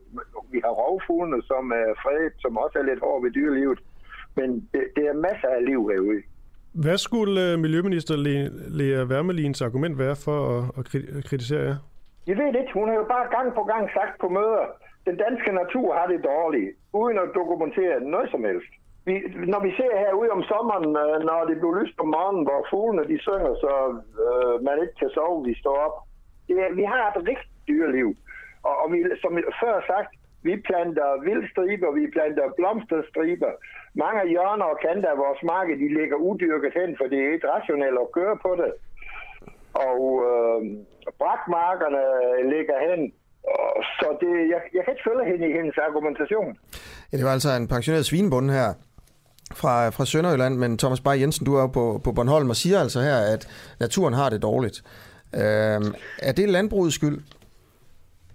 Jeg siger ikke, at naturen har det dårligt. Jeg siger bare, at øh, naturen øh, har haft det bedre. Altså øh, antallet, biodiversiteten har været større, end, øh, end hvad, vi, hvad vi har i dag. Altså, ja, det er ikke et område, som vi bestrider. Nej, er det, er det landbrugets skyld? Om det er landbrugets skyld, øh, det er blandt andet landbrugets øh, hvad hedder det, skyld, hvis man kan kalde det på den måde. Altså, mm. vi har jo i den grad øh, over de sidste 30-40 år været øh, mere og mere effektive i forhold til anvendelsen af, af vores øh, produktionsarealer. Og det gør jo selvfølgelig, at, øh, at øh, vildstriber og, og skove og, og generelt marker er jo blevet udnyttet øh, rigtig, rigtig godt. Øh, og det skal vi jo så prøve at se på, hvordan kan vi så gøre det anderledes her fra, fra nu af og så fremad. Altså, det er ikke et område, som vi bestrider, det er noget, vi skal gøre noget ved. Ja. Kan du prøve at nævne noget med, som, som landbruget har gjort, der har øh, skadet naturen? Jamen det er jo, øh, altså vi har jo en, øh, en opgave om at være effektive, altså producere øh, vores øh, produkter og vores fødevarer til den lavest mulige pris, så vi reelt kan konkurrere med det globale marked. Det gør jo så... Kan du prøve at komme med et eksempel på, hvordan jamen, det har eksempelvis på, eks, jamen eksempelvis på, på markerne, så har vi jo i den grad øh, lagt øh, markerne sammen, så de er store og sammenhængende, hvilket gør, at det er hurtigere og mere effektivt at køre på markerne. Og det vil sige, der fjerner man jo nogle lægehegn, og man fjerner nogle øh, grøfter, man fjerner nogle øh, øh, vildstriber osv. Ikke? Ja. Og det er jo områder, som, som dyr har det godt i, og, og, og det, det, det er vi øh, helt udmærket opmærksom på. Ja. At den del øh, hvorfor, har hvorfor har I så gjort det? Jamen, det sagde jeg jo lige før. Det var jo fordi, at, øh, at der er jo krav til, at vi skal være effektive. Der er krav til, at vi skal være ude i øh, det globale marked for netop at kunne ja. producere nogle varer, som kan konkurrere med, med, med andre i verden. Ja, men det havde man, altså man, danske bønder konkurrerede vel også med udenlandske bønder, altså allerede fra slutningen af 1800-tallet, hvor kornen blev sendt altså, rundt i hele jo, Europa. Jo, men, så jo, man har altid konkurreret lidt. Øh, ja. Men det har man da. Konkurreret med det. Jo, man har altid konkurreret på det globale marked som landmand. Ja, ja. Ja. Og det er også det, det er jo ikke et spørgsmål om, at biodiversiteten... Hvorfor er I så begyndt at, at, at, altså, at skade naturen her på det seneste? øh, med at lave for eksempel større marker, som det du nævner? Jamen, øh, prøv at høre her. Det er jo ikke et spørgsmål om, at vi bevidst skader naturen. Det er et spørgsmål om, at vi er i marked, hvor vi rent faktisk skal konkurrere. Ja. Det jeg egentlig bare siger, det er jo, at biodiversiteten i Danmark, øh, det er jo ikke anderledes end i andre verden, altså, altså andre dele af verden. Det vil sige, at øh, konkurrencen har jo også medført, at biodiversiteten som på globalt set har det vanskeligt. Ja, men, øh, jamen, altså i Europa, der ligger vi i bund, når det gælder gode levesteder for dyr og planter. Og Danmark er det mest intensivt dyrkede land i Europa, øh, fordi øh, landbruget udgør over 60 procent af Danmarks areal. Så det er lige præcis ja. det, vi er.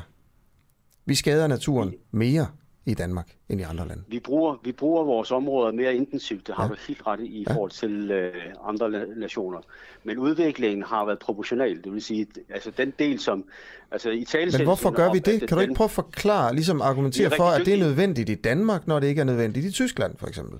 Eller i Polen, jo, eller den, i Frankrig? Sagen er den, at, uh, sagen er den, at uh, vi har været rigtig dygtige til at udnytte øh, vores kompetencer, det vil sige vores evne til rent faktisk at dyrke jorden øh, på en, øh, en, en meget, meget effektiv måde.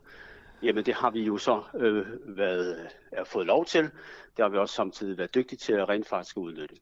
Øhm, og, og Men hvorfor skal, vi, vi hvorfor skal I danske landmænd være skade naturen mere? Altså ved at, ved at, du siger jo selv det, men når man er mere effektiv og ind, øh, dyrker mere intensivt, ikke? altså for eksempel laver større marker og øh, mere landbrugsareal, så skader det naturen. Det, det sagde du lige i starten. Øhm, hvorfor, skal, hvorfor skal I danske landmænd gøre det i højere grad end andre landmænd i Europa?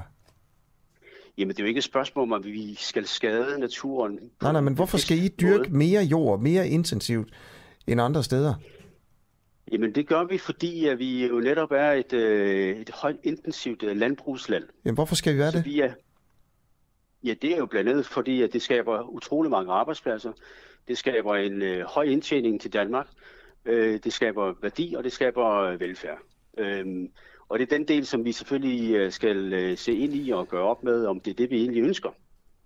Men det tænker jeg langt hen ad vejen, at det, er jo et spørgsmål om, at øh, de her ja, hvad er det, omkring 160.000 arbejdspladser, som, som det skaber, og omkring 180 millioner kroner, eller milliarder kroner i indtægter.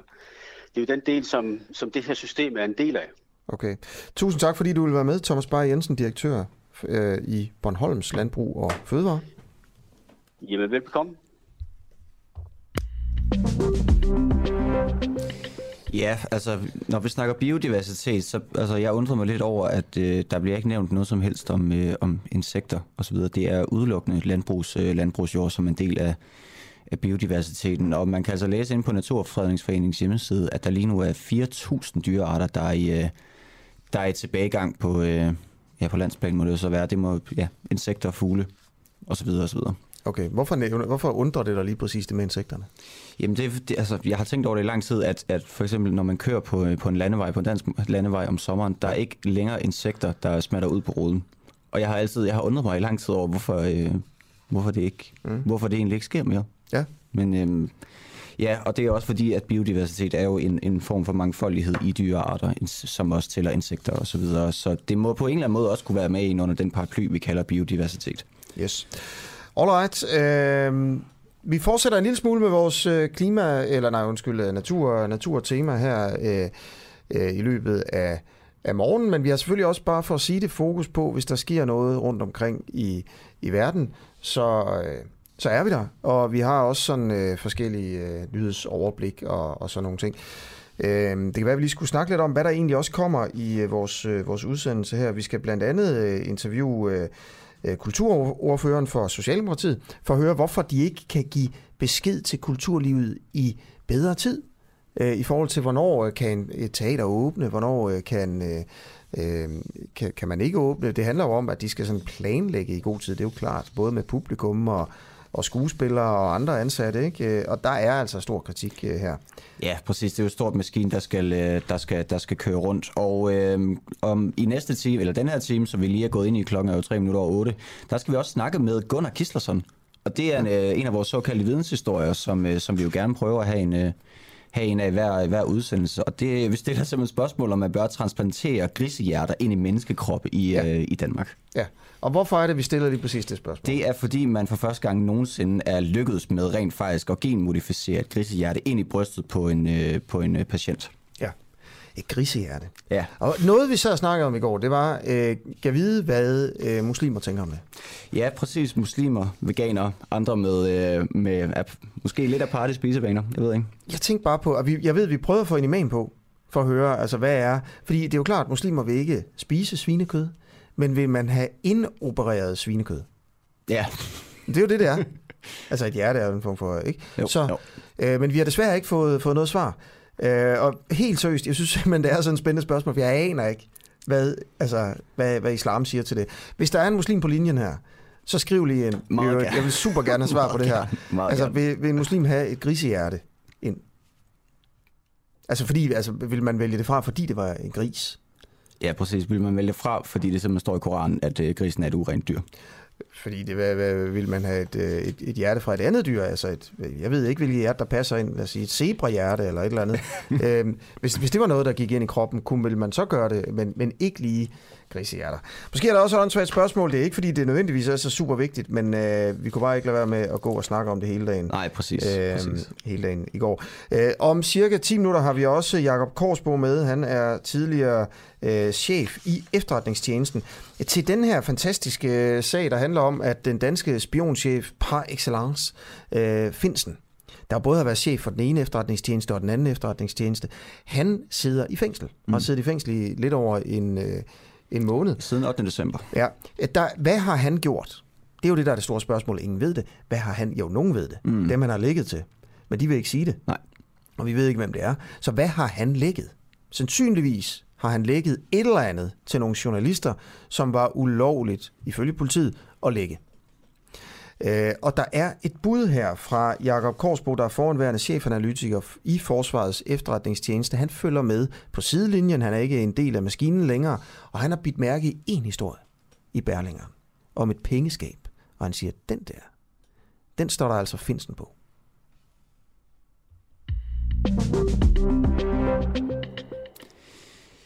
Jeg fik tisset for det lige før. Nu skal vi, øh, nu skal vi have fat i Fyns politi og, øh, og den her dødsfælde, der er på, øh, på Sundbyvejen øh, nær, øh, nær Forborg. Og som sagt, så var det Christoffer Lind, der, øh, der har talt med Fyns øh, politi for at høre, om man har fundet de her gerningsmænd.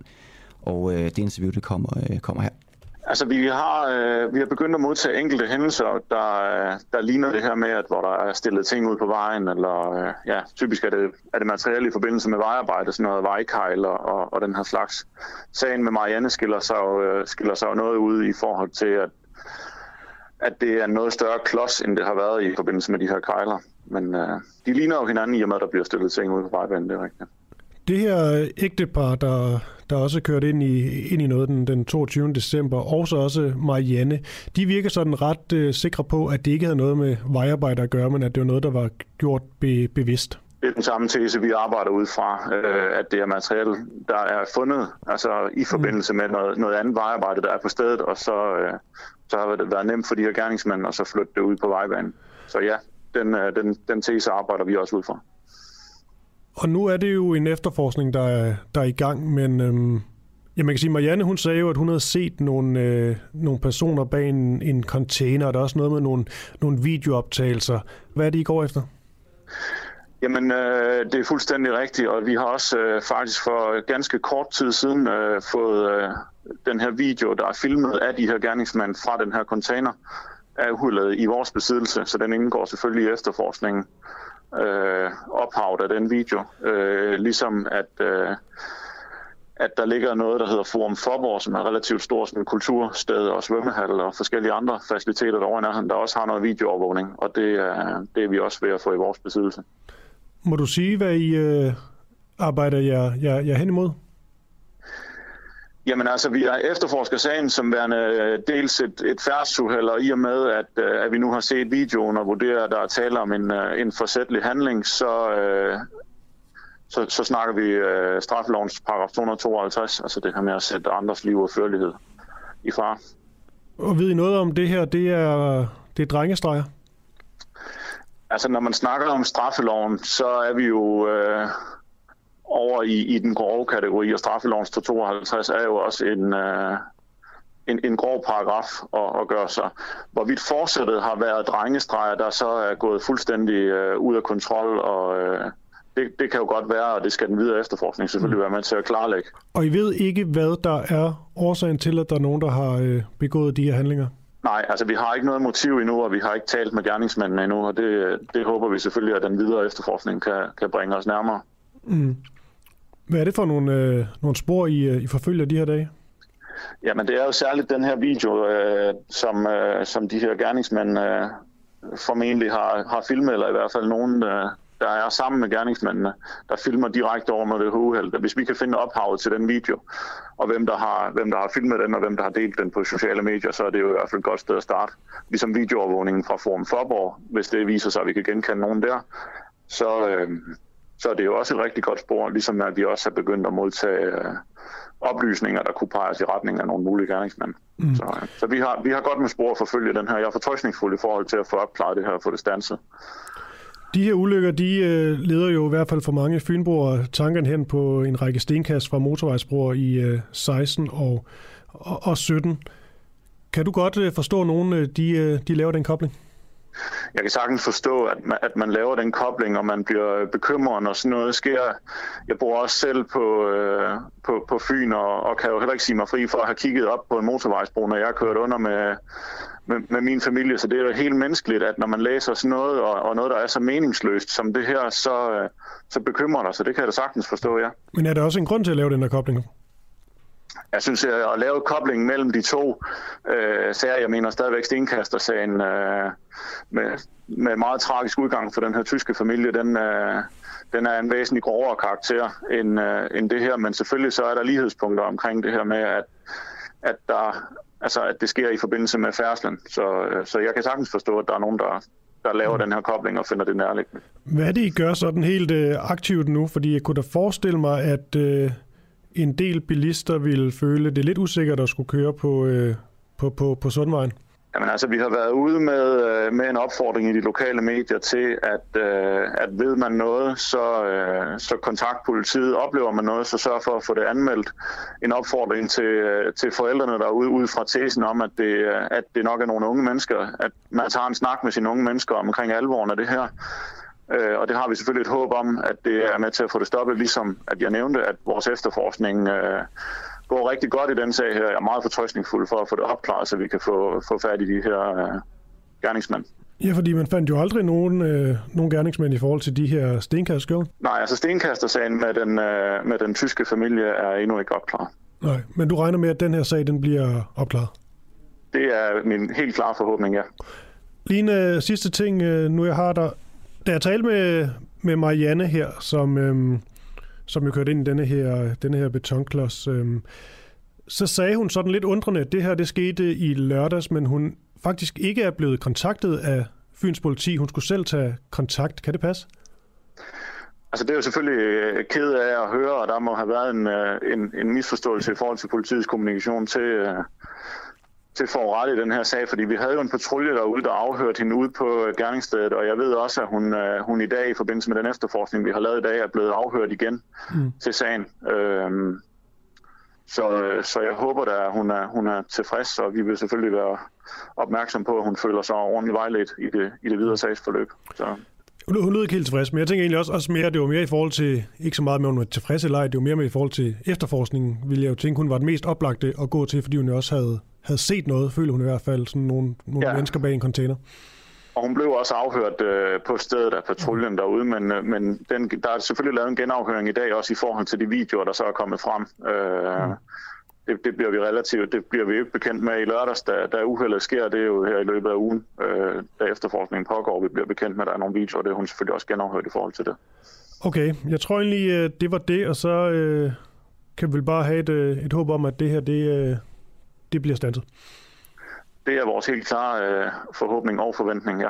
Politikommissær hos Fyns Politi, Rasmus Tyllesen, mange tak, fordi du bliver med her. Selv tak.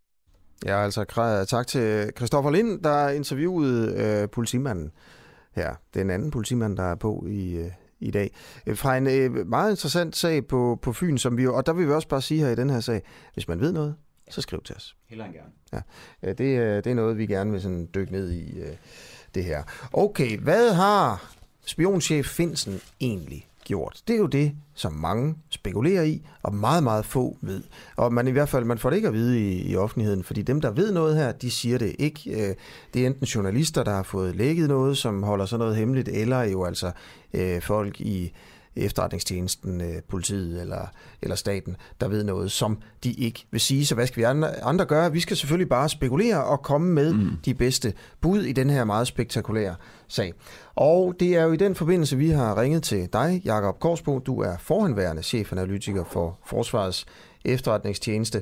Øh, hvis du skulle pege på en sag, hvor øh, Finsen som jo har været øh, varetægtsfængslet i cirka en måned nu her, altså den tidligere chef for, for Forsvarets efterretningstjeneste, han har også været chef for politiets efterretningstjeneste.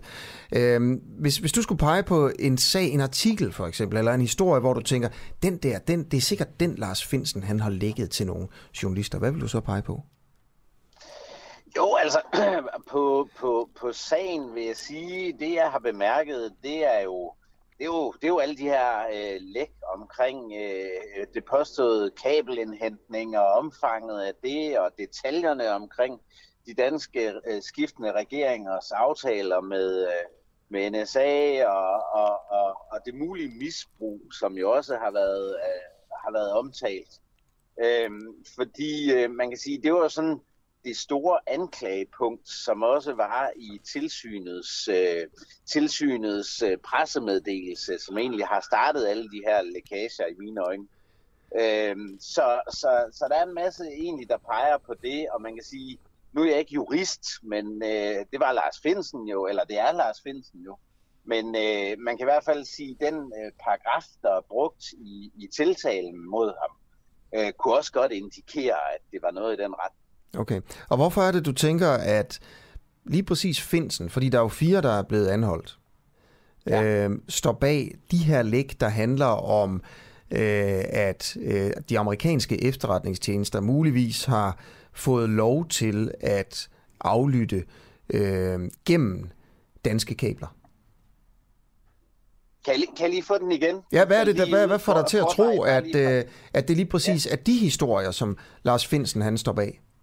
Jamen altså, man kan sige, øh, det er de mest øh, alvorlige læk, vi har set i, øh, i, i Danmarks historien, mener jeg faktisk. Og, øh, og, og, og, og de tiltaler og, og de, øh, hvad kan man sige, metoder med anholdte og så videre, det antyder jo også, at det er i en, en skala inden for, for læk, som vi aldrig har set omfanget af før. Og, og, og der kan man sige, at min sådan vurdering er, at, at det det fører nok tilbage til, øh, til den her øh, øh kabelindhentningshistorie. Hvad skulle, øh, hvad skulle lige præcis øh, altså Lars Finsen, som ligesom, han er jo den store karakter i hele den her sag, det er altså spionchefen, ja. og den helt store spionchef, der har været chef for både den, den ene og den anden efterretningstjeneste i ja. Danmark.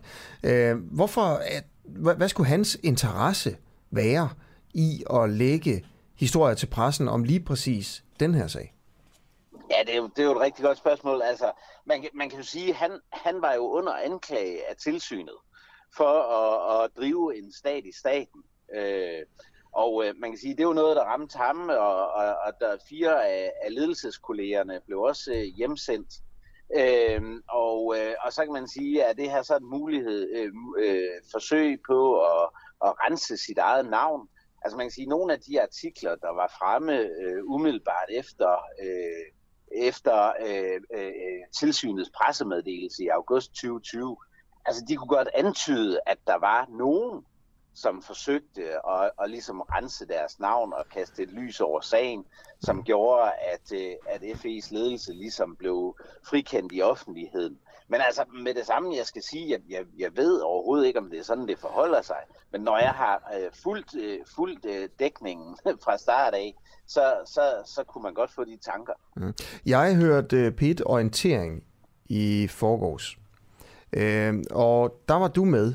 Det ved jeg ikke, om du kan huske. Øh, ja, der og, er sket meget siden da. Så. ja, men der, der, der fik du nævnt i en bisætning, at øh, altså, der stod Finsen øh, hen over en, øh, en artikel i Berlingeren, der handlede om et pengeskab. Og så, øh, så snakkede en lille bitte smule om det, men ikke særlig meget. De gik videre til noget andet, og jeg har egentlig lyst til at høre lidt om, øh, om, om det, hvis du vil prøve at uddybe det her. Altså, hvad er det for en artikel, der er skrevet i Berlingeren, hvor du med det samme tænkte, det der, det lugter af, at det er Finsen, der har, der har lægget noget til Berlinske? Jeg, jeg, ved- jeg ved ikke, om jeg var så specifik, jeg sagde Finsen. Det, det, det, det tror jeg ikke, jeg var. Men øh, nu lad det nu, nu det ligge. Altså man kan sige, i den, øh, i den øh, øh, artikel omkring øh, pengeskabet, og hvor der skulle ligge en aftale mellem øh, øh, FE og skiftende danske regeringer og, og, og NSA, øh, altså der er jo nogle, øh, nogle detaljer, øh, som, øh, som er, er meget påfaldende øh, omkring, øh, øh, hvad kan man sige, regeringsforhandlere og forhandlinger øh, hen over årene. Og det, det, det er i hvert fald en, en kilde med, med, en, øh, med en viden på et meget, øh, på et meget højt niveau, øh, som, øh, som har medvirket til det. Altså, man kan jo sige, noget af det, der også har været øh, øh i øjnefaldene øh, øh, for mig, det var, at, øh, at, at Claus Hjort Frederiksen jo, jo ligesom også har været ude og, og, og, og, og kommentere på, på det selv samme, og, og ligesom være med til at, at bekræfte det. Og, og det var da i hvert fald sådan noget, hvor jeg har siddet og tænkt, gisp mand, det, det går nok voldsomt, det her. Øh, øh, og, og et nybrud. Øh, så, som man kan sige, øh, jeg ved ikke, hvad, hvad, om der bliver truffet noget øh, forholdsregler i forhold til Claus Hjort Frederiksen. Det, det skal jeg overhovedet ikke gøre mig klog på. Men det var, har- har været nogle meget Øh, To sekunder. Tænker du, at det, det muligvis er, at det er muligt, at Claus Hjort Frederiksen, der jo også har været tidligere forsvarsminister, øh, har sagt noget i offentligheden, som også er hemmeligt og klassificeret fortroligt, som han måske kunne øh, blive straffet for? Altså nu, nu er det jo ikke nogen hemmelighed. Jeg, jeg laver noget arbejde på TV2 nu og dage, ikke? og jeg så jo øh, Søren Liberts interview med Claus Hjort Frederiksen for, for nylig, hvor, hvor, hvor han selv siger, ja nu skal jeg jo passe på ikke at blive anholdt. Ja. Øh, øh, øh, så, Skal han så, det? Så, øh, ja, ja, altså jeg er jo ikke jurist eller, eller anklager eller sådan noget, men, men, men det var nok nogle ting, jeg havde holdt mig tilbage for. Hvad, hvad har Claus Hjort Frederiksen sagt, som ifølge dig, selvom du ikke er jurist, øh, men du er altså for, øh, tidligere chefanalytiker i Forsvarets efterretningstjeneste og sidder og kommenterer på det her, og øh, hvad hvad er det, han har sagt, som muligvis ifølge dig kunne være i strid med loven? Jo, men altså, han har jo været ude egentlig at bekræfte øh, øh, nogle af de her detaljer, som jeg også siger, der er nævnt i, i den der øh, øh, Berlingske artikel, og der har også været noget i weekendavisen. Okay. Så er, det, er, det, er det historien om, at øh, der er et pengeskab hos Forsvarets efterretningstjeneste på Kastellet i København, hvor der ligger øh, et eneste eksemplar af den aftale, eller det eneste eksemplar af den aftale mellem USA og Danmark, der tillader amerikansk adgang til at tappe danske kabler. Og øh, det ene eksemplar øh, af det her stykke papir, øh, der er skiftende forsvarsministre blevet bedt om at skrive under på, at de kender hemmeligheden lige indtil, at Trine Bremsen i 2020 øh, angiveligt så det her, og så besluttede sig for at gøre noget, øh, gøre noget ved det. Altså, er det, er det det, at han har sagt, ja, der ligger der er et pengeskab, og, og der, der ligger noget derinde her. Er det det, du tænker på? Altså, det, det er jo i hvert fald nogle oplysninger, som meget få mennesker i, i Danmark øh, øh, har haft øh, adgang til. Øh, øh, så, så medmindre det bare er opspændt alt sammen, øh, hvilket øh, det ikke lyder til at være, fordi der, øh, der er en detaljerigdom i det, som er ganske bemærkelsesværdig, så, så, så vil jeg sige, at der, der, der, der er det i hvert fald sådan, jeg løfter øjenbrynene og tænker, uha, det, det får nogle følger. Det Kender her. du til Øh, det, øh, det pengeskab? Niks, og, og, og hvis jeg gjorde det, ville jeg overhovedet heller ikke sige det på nogen måde. Okay. Så hvis, Selvom du, hvis, hvis du kendte til det, vil du så sige niks? Jamen, jeg, jeg siger bare niks. Jeg- jeg kender ikke til det. Øh, øh, men, men altså, det er jo den type oplysninger, man klassificerer som yderst hemmelige. Mm. Det er oplysninger, som der ikke engang må kommunikeres om på elektronisk vis, og, og, og som kun findes i, øh, i papirform. Okay, Øh, Jacob. og det er, der, det er der meget få, der har adgang til. Jakob Korsbo, og den, en af de, dem, der i hvert fald har haft adgang til det, det har, det har jo været Lars Finsen. Og, og så er spørgsmålet så, kunne det være det, han har lægget til, Øh, en af de ting, han har, han har lægget til, til Berlinger. Vi spekulerer jo bare, Kors på, øh, foranværende chefanalytiker for Forsvars efterretningstjeneste. Tusind tak, fordi du ville være med igen. Selv tak. Jeg synes på mange måder, at det her det er den, øh, altså, en af de største sager, jeg, jeg har hørt om i, øh, altså, i meget lang tid i Danmark. Altså, det er simpelthen, Danmarks topspion har lægget ja. oplysninger til pressen om, at øh, vi muligvis overvåger, øh, overvåger befolkningen ulovligt. Ja, angiveligt i hvert fald. Angiveligt, ikke ja. også? Altså, det er jo bare det er jo, det er jo politiet, der, der, der siger det. Og det er sjovt, altså det vilde er jo også, at han var jo chef i både PET og, og FE. Øhm, og han er jo så selv blevet efterforsket. Øhm, altså, det sjove er, at han var, mens han, var i PET, bare sådan en lille syret ting her, mm. var han chef for en efterforskning, efterforskningsgruppe. Og den efterforskningsgruppe, da han så forlod PET for at blive chef i FE, begyndte at aflytte ham. Ja, præcis. Altså, han er, mens han var chef for den ene efterretningstjeneste, og den anden efterretningstjeneste aflyttede ham. Og øh, i en gruppe, han, altså, det er helt syret, ikke? Ja, det er ret syret, og ligesom... Det er super altså, sjovt og spændende også. Det er det, altså. altså jeg vil kalde det, at han stiger i graden, går fra PET til FET, og så den, det job, han forlader, mindre job, begynder så, øh, begynder så at overvåge, øh, overvåge ham og aflytte ham. Ja. Hold da op. Okay, ja. godt. Så kommer vi til det med grisehjerterne. Og øh, Gunnar Gislason, altså, kunne du, altså, kunne du tænke dig at få et grisehjerte ind øh, i dig, sådan helt ærligt? Godmorgen. Ja, godmorgen. Jeg håber ikke, jeg har brug for det, men, men hvis det var, og, og, og det ser sikkert ud, så vil jeg ikke have tvivl om, for det alternativ vil være værre, ja. hvis man ikke havde mulighed for at få et hjerte, hvis man havde brug for det. Spørgsmålet er her, om det skulle være muligt øh, i Danmark, altså at transplantere grisehjerter ind i danske øh, syge kroppe, for at øh, de her kroppe de kan, og de her mennesker de kan overleve. Det er nemlig lykkedes kirurger i Baltimore, USA, at transplantere et genmodificeret grisehjerte ind i en amerikaner. En hjertepatient, og der er gået fire dage nu, så vidt øh, jeg forstår det. Måske fem her til morgen. Øh, og kroppen har endnu ikke udstødt det her hjerte. Så indtil videre er det en succes og en stor sådan videnskabelig nyhed. Og du er altså forskningschef i Hjerteforeningen, Gunnar Gislason. Øhm, øh, og altså, som det er nu, er det så lovligt at gøre det her i Danmark? Øh, det tror jeg, det ved jeg faktisk ikke, men nej. det tror jeg ikke, det er lovligt øh, i Danmark, nej. Det Nej, tror jeg ikke. men bør det være, altså du ved, nu kommer teknikken lige så stille, og nu må vi se, hvordan det går med amerikanerne her, men lad os nu sige, at det kommer til at gå godt, og vi finder ud af, at det kan man gøre.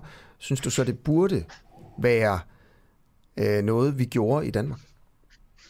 Ja, hvis det her lykkes, og man kan se, at det fungerer, øh, og, og kan give et øh, håb for, for patienter, som ellers ikke havde mulighed for, for et hjerte, øh, så synes jeg, at det skulle selvfølgelig være en mulighed i Danmark også. Det er jo, perspektivet er enormt på, på, på, på sigt. Okay. Så vi, det, der vi kæmper med meget i, i, inden for organdonation, er jo mangel på organer. Så Ja. det kunne også være med til at øh, hjælpe med, med det. Ja, ind- ved årsskiftet her er der jo 17 danskere, der venter på et øh, hjerte. Øhm, vil du prøve at fortælle, altså, hvordan øh, det her det fungerer? Altså, hvordan får man et grisehjerte over i en menneskekrop? Det må sige, at grise er gode, fordi de vokser hurtigt, og, og størrelsen på hjertet i en gris uh, passer meget med en, øh, en, øh, et et menneskehjertestørrelse. Så, så på den måde, selve hjertets opbygning uh, ligner jo meget et, et menneskes hjerte. Man kan få det tilpasset uh, kirurgisk ind i, ind i uh, et menneske. Uh, udfordringen ligger i, at uh, kroppen kan jo afstøde uh, øh, organet. Og, og derfor, det gælder også ved almindelige transplantationer med menneskehjerter. Derfor giver man jo, øh, eller sørger for, at det er et godt match til personen i, i forhold til, øh, til øh, nogle faktorer, blandt andet blodtype, og så, og så giver man også immundæmpende medicin til at forebygge øh, afstødning. Det er jo en helt andet med et, øh, et hjerte fra et øh, andet dyr. Fordi så vil jo problemet være større. Og her har man gjort det, at man har lavet noget, det man kalder genmodificering. Øh, man har simpelthen skræddersyet øh, øh, hjertet, øh, altså svinehjertet, til at, til at forhindre afstødning og nogle forskellige faktorer, så, så det vil være større chance for, at øh, det ikke bliver afstødt, når det kommer ind i den. Mm. Okay.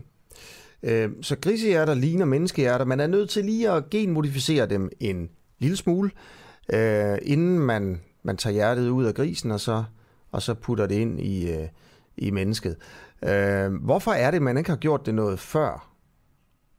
Jamen man kan sige, at teknikken har ikke været til stede, og, og, og, og det er her de senere år, hvor man har fået øh, nye redskaber inden for genetik og, og, og, og de forskningsresultater der, som har gjort det her muligt. Hvad er det for Så nogle nye man, redskaber, man har fået? Jamen det er jo især det, der hedder CRISPR, øh, hvor man kan simpelthen øh, klippe noget øh, ud og af, af folk af arvematerialet og sætte noget nyt ind, simpelthen øh, øh, ændre arvematerialet i, øh, i cellerne, og så noget med kloning. Og, øh, og det har så gjort, at, at det lykkedes at sætte nogle nye gener ind og dæmpe udtrykkelsen af nogle andre, så på den måde vil, vil sandsynligheden for, at øh, det ikke bliver afstødt, bliver, bliver, bliver større. Så har man også stoppet et gen, så, så at man, øh, man forhindrer, at, at hjertet vokser for meget. Og Det har man også haft erfaring med i dyremodeller. Man har prøvet det på aber øh, øh, øh,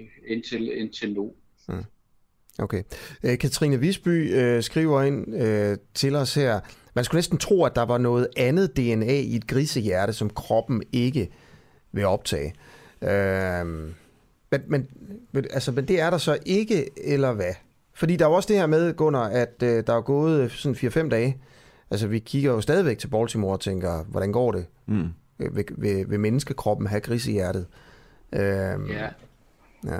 Det er jo et stort eksperiment, og det, det der man kan sige, at det store i det er nu, at du har ikke fået denne af, akutte afstødning, det vil sige inden for nogle timer eller dage. Så kommer det på længere sigt, hvad sker, hvordan vil kroppen reagere på det. Man, så jeg forstår det, at man også bruger nogle nye type medicin, og det er også lidt som at se, hvordan fungerer den, er det nogle problemer der.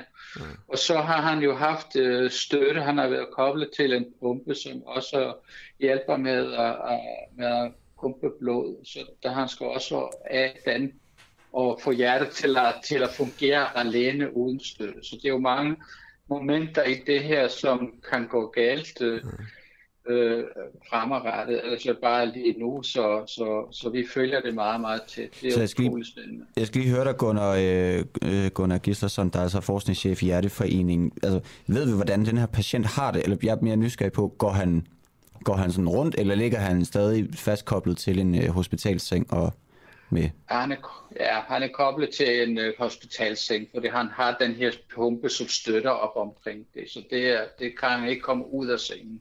Men han er vågen og kan tale og, og har det efter omstændighederne godt, som jeg forstår det. Nu læser jeg jo kun det, det, som jeg har i medierne, så jeg har ikke nogen nærmere kendskab til det, men jeg synes, det er jo allerede ret, ret uh, positivt. Mm. Okay.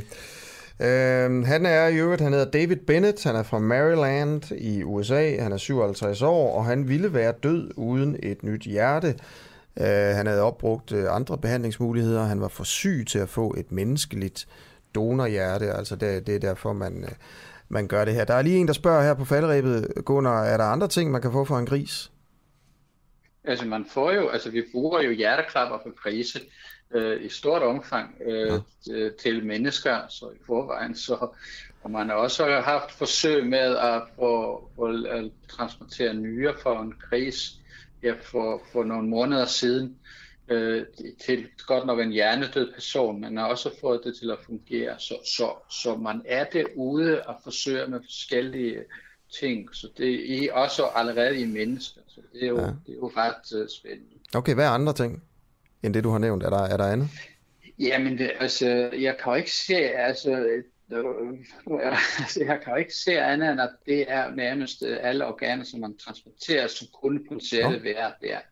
Og også noget grisemateriale i busbuskirtlen, og, og, og, og får det transporteret nogle celler der, så, så, så, så potentialet er stort øh, omkring det her. Vildt. Bare de ikke begynder at transplantere ører og næse og sådan noget, ikke? Så, Nej, det vil, og haler. det vil se dumt ud. ja.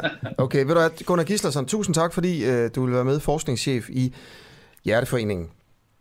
Har du, selv, har du selv noget gris i dig egentlig? Nej, det føler jeg ikke, ja. Nej. Men det må andre bedømme. Ja, ja. Nej, nej, okay. Tusind tak. Ha' det godt, ikke? Ja, lige måde. Tak for det. Nej. Jamen, det var ikke for sjov. Nej, nej. Jeg kan godt høre, du grinte, men, øh, men det var ikke sådan på den måde, men øh, Jeg det kunne godt være. seriøs omkring det. Og det, altså, Han havde en hjerteklap eller et eller andet, ikke? Det er fandme, det er fandme sjovt med de grise der, fordi jeg ved, at man også øh, i Danmark eksperimenterer med, hvor langt, øh, hvor langt ned man kan fryse en gris, for ligesom at finde ud af, om man kan, øh, man kan fryse mennesker ned, og så øh, dem til at leve, øh, leve op igen. Mm. Altså, og det, altså, jeg elsker jo de her, de her videnshistorier, Asger. Jeg synes, det er specielt med så prekær en sag. Altså, du, et, et, grisehjerte, hvad bliver, ja, hvad bliver det næste? Det er jo, det er jo, det er jo altid der, der, det er med videnshistorie. Hvor går grænsen for, øh, mm. for de her videnskabelige, øh, videnskabelige ting? Ja. Godt, klokken er blevet øh, 8 8.34. Jeg kan lige hurtigt nå at nævne en, øh, en nyhed, fordi Hongkong vil udvide en omstridt sikkerhedslov med hele 40 nye punkter. Øh, og det er, så lyder det altså i dag fra bystyrets leder Carrie Lam, skriver, skriver Ritzau her, i, øh, her til morgen. Myndighederne planlægger for mere end 40 nye forslag til loven. Blandt andet skal flere handlinger kriminaliseres, hvis det er i strid med national sikkerhed, siger lederen. Og national sikkerhed i det her tilfælde betyder kinesisk øh, sikkerhed.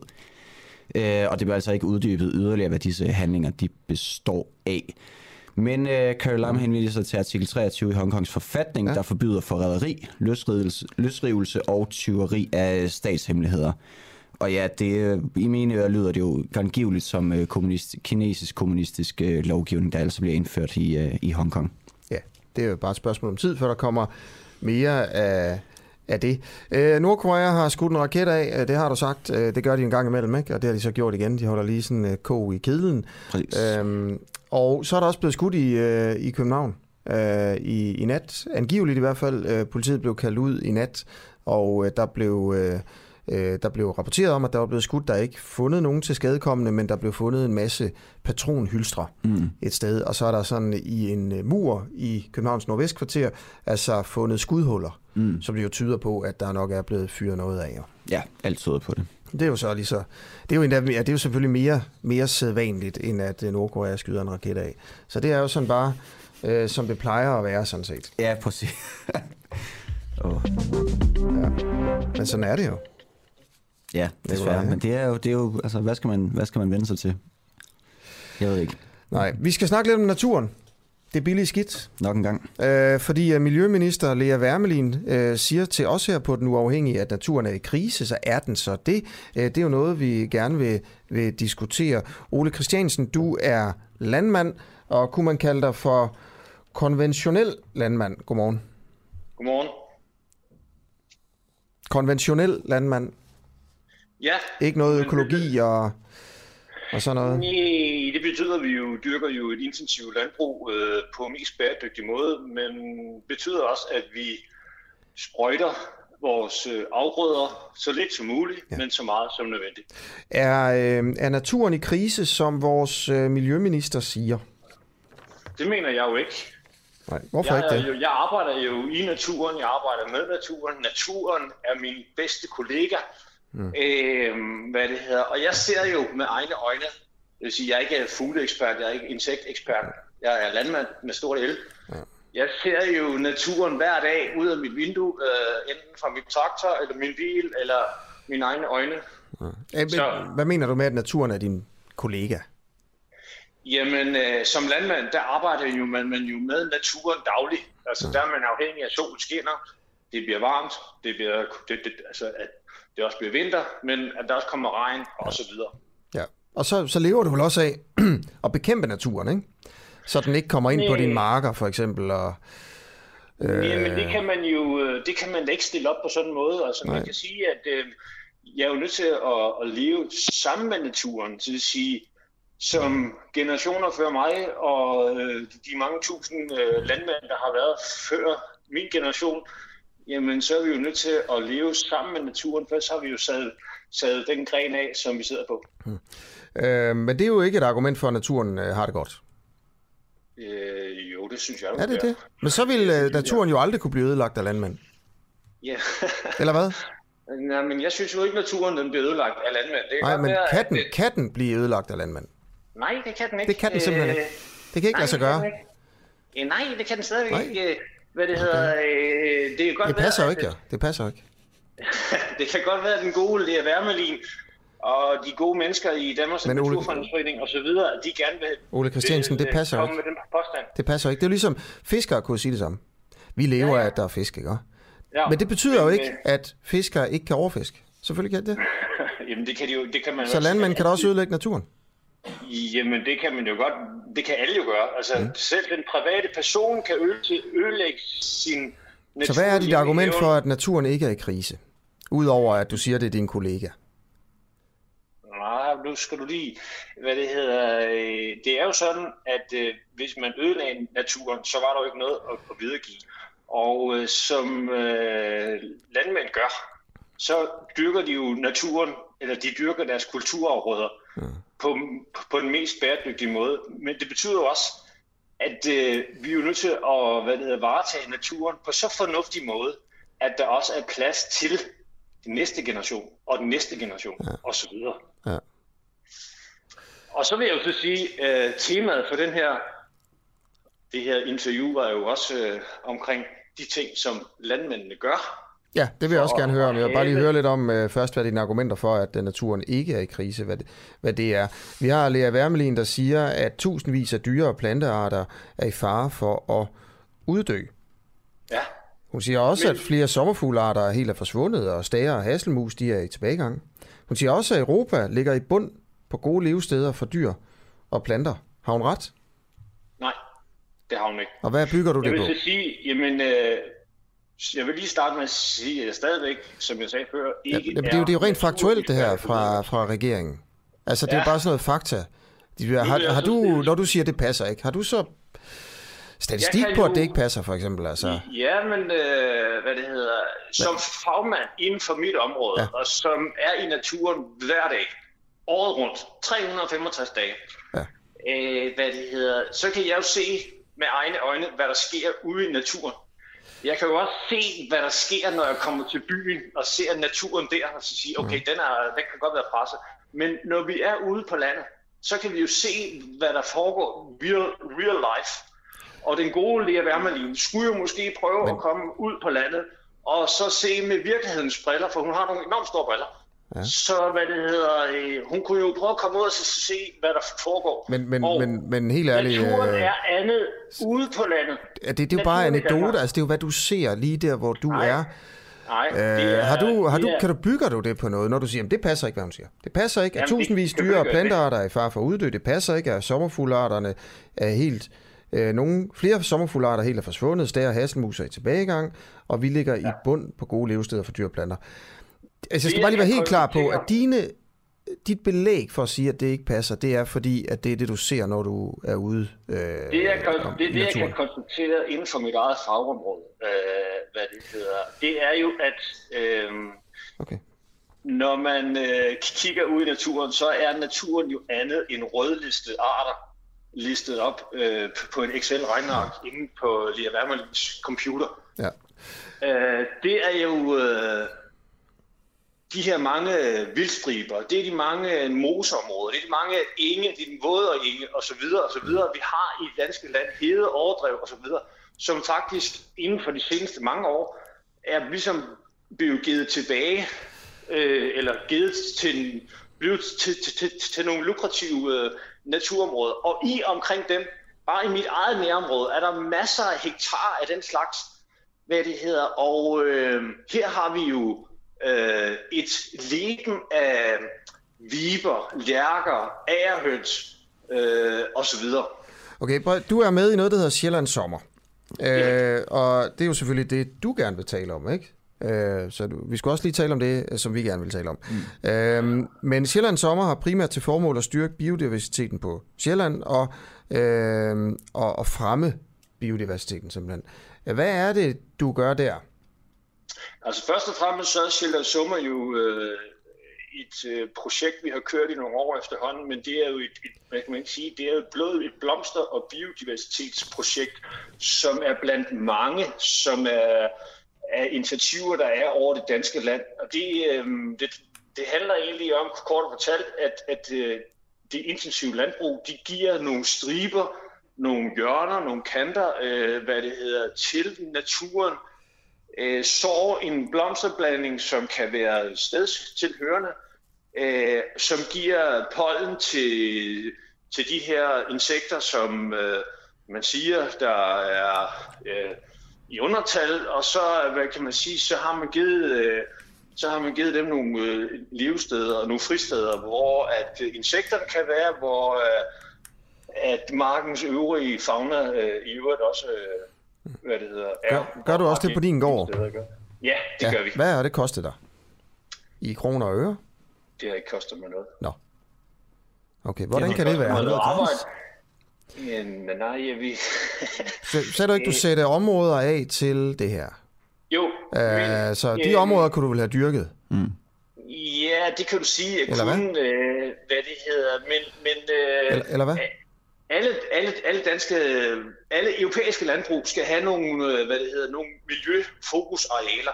Ja. Og øh, det kan være hjørne marken, som er uhensigtsmæssig for dyrkning øh, i forhold til de maskiner, vi arbejder med. Mm. Så er det ikke lidt en gratis omgang at sige, at du gør noget for, for insekter, når du, når du alligevel skulle have lade være med at dyrke øh, de steder der? Nej, det synes jeg ikke. Altså, øh, hvad det hedder, øh, det er en gratis omgang. Det, øh, men du har ikke rigtig gjort noget, som du ellers ikke ville have gjort, eller hvad? Jeg skal bare jo, lige forstå det. Nå, hvad? Jo, fordi jeg har da altså, nu kan man så sige, om det er en gratis omgang eller ej, men øh, jeg har da, ind, jeg har, jeg har da hvad det været, skal man sige, sat en, en arbejdsindsats i gang. Jeg har udført nogle arbejdstimer øh, på regning, på regning øh, og så hvad det hedder, lavet noget natur, nogle hensigtsmæssige steder, det kan være nogle øh, hjørner, det kan være nogle øh, samlinger af marken, det kan være nogle bindeled mellem nogle øh, moser øh, op til, til, til noget skov eller noget andet, således at vildtet har nogle gemmesteder, insekterne har nogle levesteder, som gøre både, at der er et spisekammer, men også skjulesteder for rovfugle og rovdyr. Okay. Ved du hvad, tusind tak, fordi du vil være med. Velkommen. Ole Christiansen her, konventionel landmand, og medinitiativtager til øh, Sjælland Sommer. Jeg kom til at kalde det for Sjælland Sommer, altså som om det var et, øh, et engelsk et udtryk, men det er jo sommer, som øh, det er insekter gør. Ja, og det, jeg, sidder, altså, jeg sidder lidt og undrer mig over, at jeg havde nogle ting, jeg gerne ville have spurgt øh, Ole Christensen om. Ja. For eksempel, han bruger et ord som bæredygtighed. Jeg godt tænke mig at vide, hvad er bæredygtighed i en konventionel øh, landbrug? Altså landmands øh, forstand, og, ja. øh, og sådan i hele taget er opdyrket... Øh, er opdyrket jord og natur, fordi det lyder lidt angiveligt på, øh, på, øh, på Ole her, som om, at, øh, som om det er. Men det er, en, det er jo nok en, en længere snak, som vi må, vi må vente med til en anden gang. Jamen, det gør vi da bare. Ja. Det lyder som en god snak. Vi har gået lidt til landmændene i dag, og øh, sådan er det. Øh, vi snakkede med Landbrug og Fødevare over på Bornholm, som sagde, faktisk også startede med at sige, at landbruget har været med til at skade naturen. Ikke? Mm. Øh, men så var det nok heller ikke så slemt, og det var også vigtigt for økonomien, at man havde et landbrug, der dyrkede intensivt. Ja, altså, det er jo en opvejning mellem, og det, det, jeg synes faktisk, at han indrømmede det, og det er også bare sådan, det er, en opvejning mellem på den ene side økonomi og arbejdspladser, på den anden side natur. Ja, ja ikke? præcis. Øh, og så kan man så sige, jamen når man lader som om, at der ikke er nogen konflikt mellem natur og øh, moderne intensiv landbrug, øh, er det så rigtigt? Ja, det synes præcis. jeg i hvert fald godt, man kan stille det, det spørgsmål. Klokken er kvart i ni. Så, nu kommer vi til den historie, som jeg har glædet mig til her. Øh, og øh, hvor mange forældre kan, må et barn have? Det er i virkeligheden spørgsmålet, da jeg er vokset op, så var, så var to. Øh, og det er jo også biologisk, kan man jo ikke have mere end, end to, to forældre, men rent juridisk. Hvor mange forældre skal et barn så kunne have? Mm. Øh, et borgerforslag foreslår, at... Øh, To bøsser, der lever sammen, begge to kan være juridiske forældre til et barn, som de har adopteret. Det sætter fokus på, hvor mange øh, forældre øh, et barn kan have, og hvordan sådan forældre, altså hvad, hvad er en forælder egentlig, ikke? Øh, og øh, LGBT+, som er en forening for bøsser og lesbiske og andre, øh, der identificerer sig øh, som ikke sådan ren mænd og kvinder, øh, øh, øh, de har på deres hjemmeside en målsætning om, at børn skal kunne have op til fire forældre. Op til fire forældre. Spørgsmålet er, øh, om det er en god idé. Susanne Brander Jespersen, du er sekretariatchef for LGBT+. I Danmark? Ja, altså... Der blev lige hældt kaffe op. Det var dejligt. Godmorgen. Øh, ja, godmorgen. Det hedder LGBT Plus Danmark. Ja, okay. Undskyld. Øh, hvor mange forældre synes du, at et barn skal kunne have? Jamen altså, vi har jo masser af regnbuefamilier, hvor børn allerede har tre og fire forældre. Sådan rent juridisk? Øh, ja, så rent juridisk mener vi faktisk, at det være godt, at man kunne have op til fire forældre, fordi det, er- det er jo de familiekonstellationer, vi ser. Det er jo nogle af dem, der findes ude i virkeligheden i dag. Der er øh, familier med tre forældre, hvor en af dem ikke kan få lov at hente medicin til barnet, ikke kan komme ind på intranet, ikke kan, øh, altså skal have speciel tilladelse til at hente sit barn i børnehaven, og øh, barnet kan ikke arve øh, den forælder, som barnet jo vokser op med og ved af sin øh, far eller øh, mor. Ja. Altså. Ja. Så Altså, Hvad skal de så have? Alle fire skal de så have de samme rettigheder altså, som forældre? øh, Altså forældrerettigheder? Ja, det ville vi jo mene, Ja. at de skulle. Okay. Ja, altså både rettigheder, men altså også, øh, også pligter. Det tror jeg, det tror jeg er ret Helt vigtigt, vigtigt at få med i den her, den her Hvad er det for nogle pligter? Det er blandt andet, at øh, det jo handler meget om medfor, medfaderskab, og medfar har også pligt til at være medforsørger af, af barnet. Aha. Øh, Sådan en forsørgerpligt? Ja. Okay. Øhm, Susanna Brander Jespersen, øh, okay, så du går ind for, at øh, et barn skal kunne have op til fire forældre, sådan rent juridisk, som alle fire skal have de samme rettigheder øh, Og i forhold, og pligter i forhold til barnet. Øhm, vil du prøve at give et eksempel på sådan en øh, familie? Ja, dem kender vi masser af. Det kunne for eksempel være øh, to mænd, der har fået barn med en kvinde. Det kunne være to kvinder, der har fået barn med en mand. Og øh, i det tilfælde, der er jo en af parterne, der bliver, øh, der bliver udladt i forhold til... Øh, Men kan du give et eksempel med fire?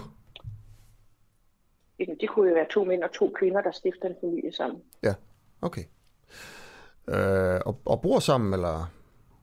Nej, som regel vil det være sådan, at barnet, øh, at man har to bopæler, hvor, og, øh, for barnets øh, tilbyggelse af, og hvor man så laver en eller anden form for deleordning, med, øh, måske i mindre grad, når barnet er helt lille, og så skalerer op, når barnet bliver større, eller man har Ja, eller man bor i nærheden af hinanden, eller man, der er mange, mange, mange forskellige måder at indrette sig på i vores, øh, i Ja. vores målgruppe. Ja, så det kunne for eksempel være et, et, et, et, et bøs, bøssepar, et lesbisk par, øh, der bor hver sit sted, og så, så den ene øh, mand øh, får et barn med den, øh, med, med den ene kvinde, øh, mm-hmm. men så deler de så, så barnet. Og, og de har alle fire lige juridiske rettigheder. Så er jeg interesseret i at vide, hvad der sker, øh, hvis øh, de her to par går fra hinanden, og de fire forældre kommer til at bo fire forskellige steder. Hvad, hvad sker der så med Ja, barnet? altså, det, altså det, det, de, de eksempler, som jeg kender til, der er det måske, hvor der er tre forældre, hvor det ene, hvor det par, der, øh, øh, hvor det ene par går fra hinanden. Ikke? Mm. Øh, og, og der ser vi så i... Øh, Men, men nu advokerer du for fire. må jeg, må jeg godt lige få lov at Ja. snakke færdig? Jo, jo. Tak. Øh, der ser vi så øh, i situationer, at man indretter sig på den måde, som man har indrettet sig hidtil, men at den tredje eller flere forældre kommer på besøg, man har fælles dage, hvor øh, man så har samvær med barnet. Så mm. vi har ikke Nej. vi har ikke... Men det er jo også en verden, hvor de ikke har de samme juridiske rettigheder. Altså, jeg, jeg vil gerne tale med dig om det, du foreslår. Altså, at fire forældre skal have de samme juridiske rettigheder til barnet. Og det vil jo sige de samme rettigheder og de samme pligter. Det var det, du startede med at sige. Så hvis i tilfælde af en skilsmisse i begge, øh, i, i, hos begge par, altså at de fire juridiske forældre, der alle sammen har samme rettighed og pligt over for barnet, øh, bor fire forskellige steder. Øhm, altså, hvordan skal, øh, øh, hvor skal barnet så bo henne? Øh, ja. Jamen, jeg vil da tro, at alle forældre er øh, interesserede i at handle efter, hvad der er barns bedste. Jeg Det tror er forældre ikke. tænker- Det er forældre ikke. I skilsmissesager, det håber jeg også, du ved, der er masser af sager, hvor det går i hårdknude, hvor øh, forældrene hyper deres egen kartofler.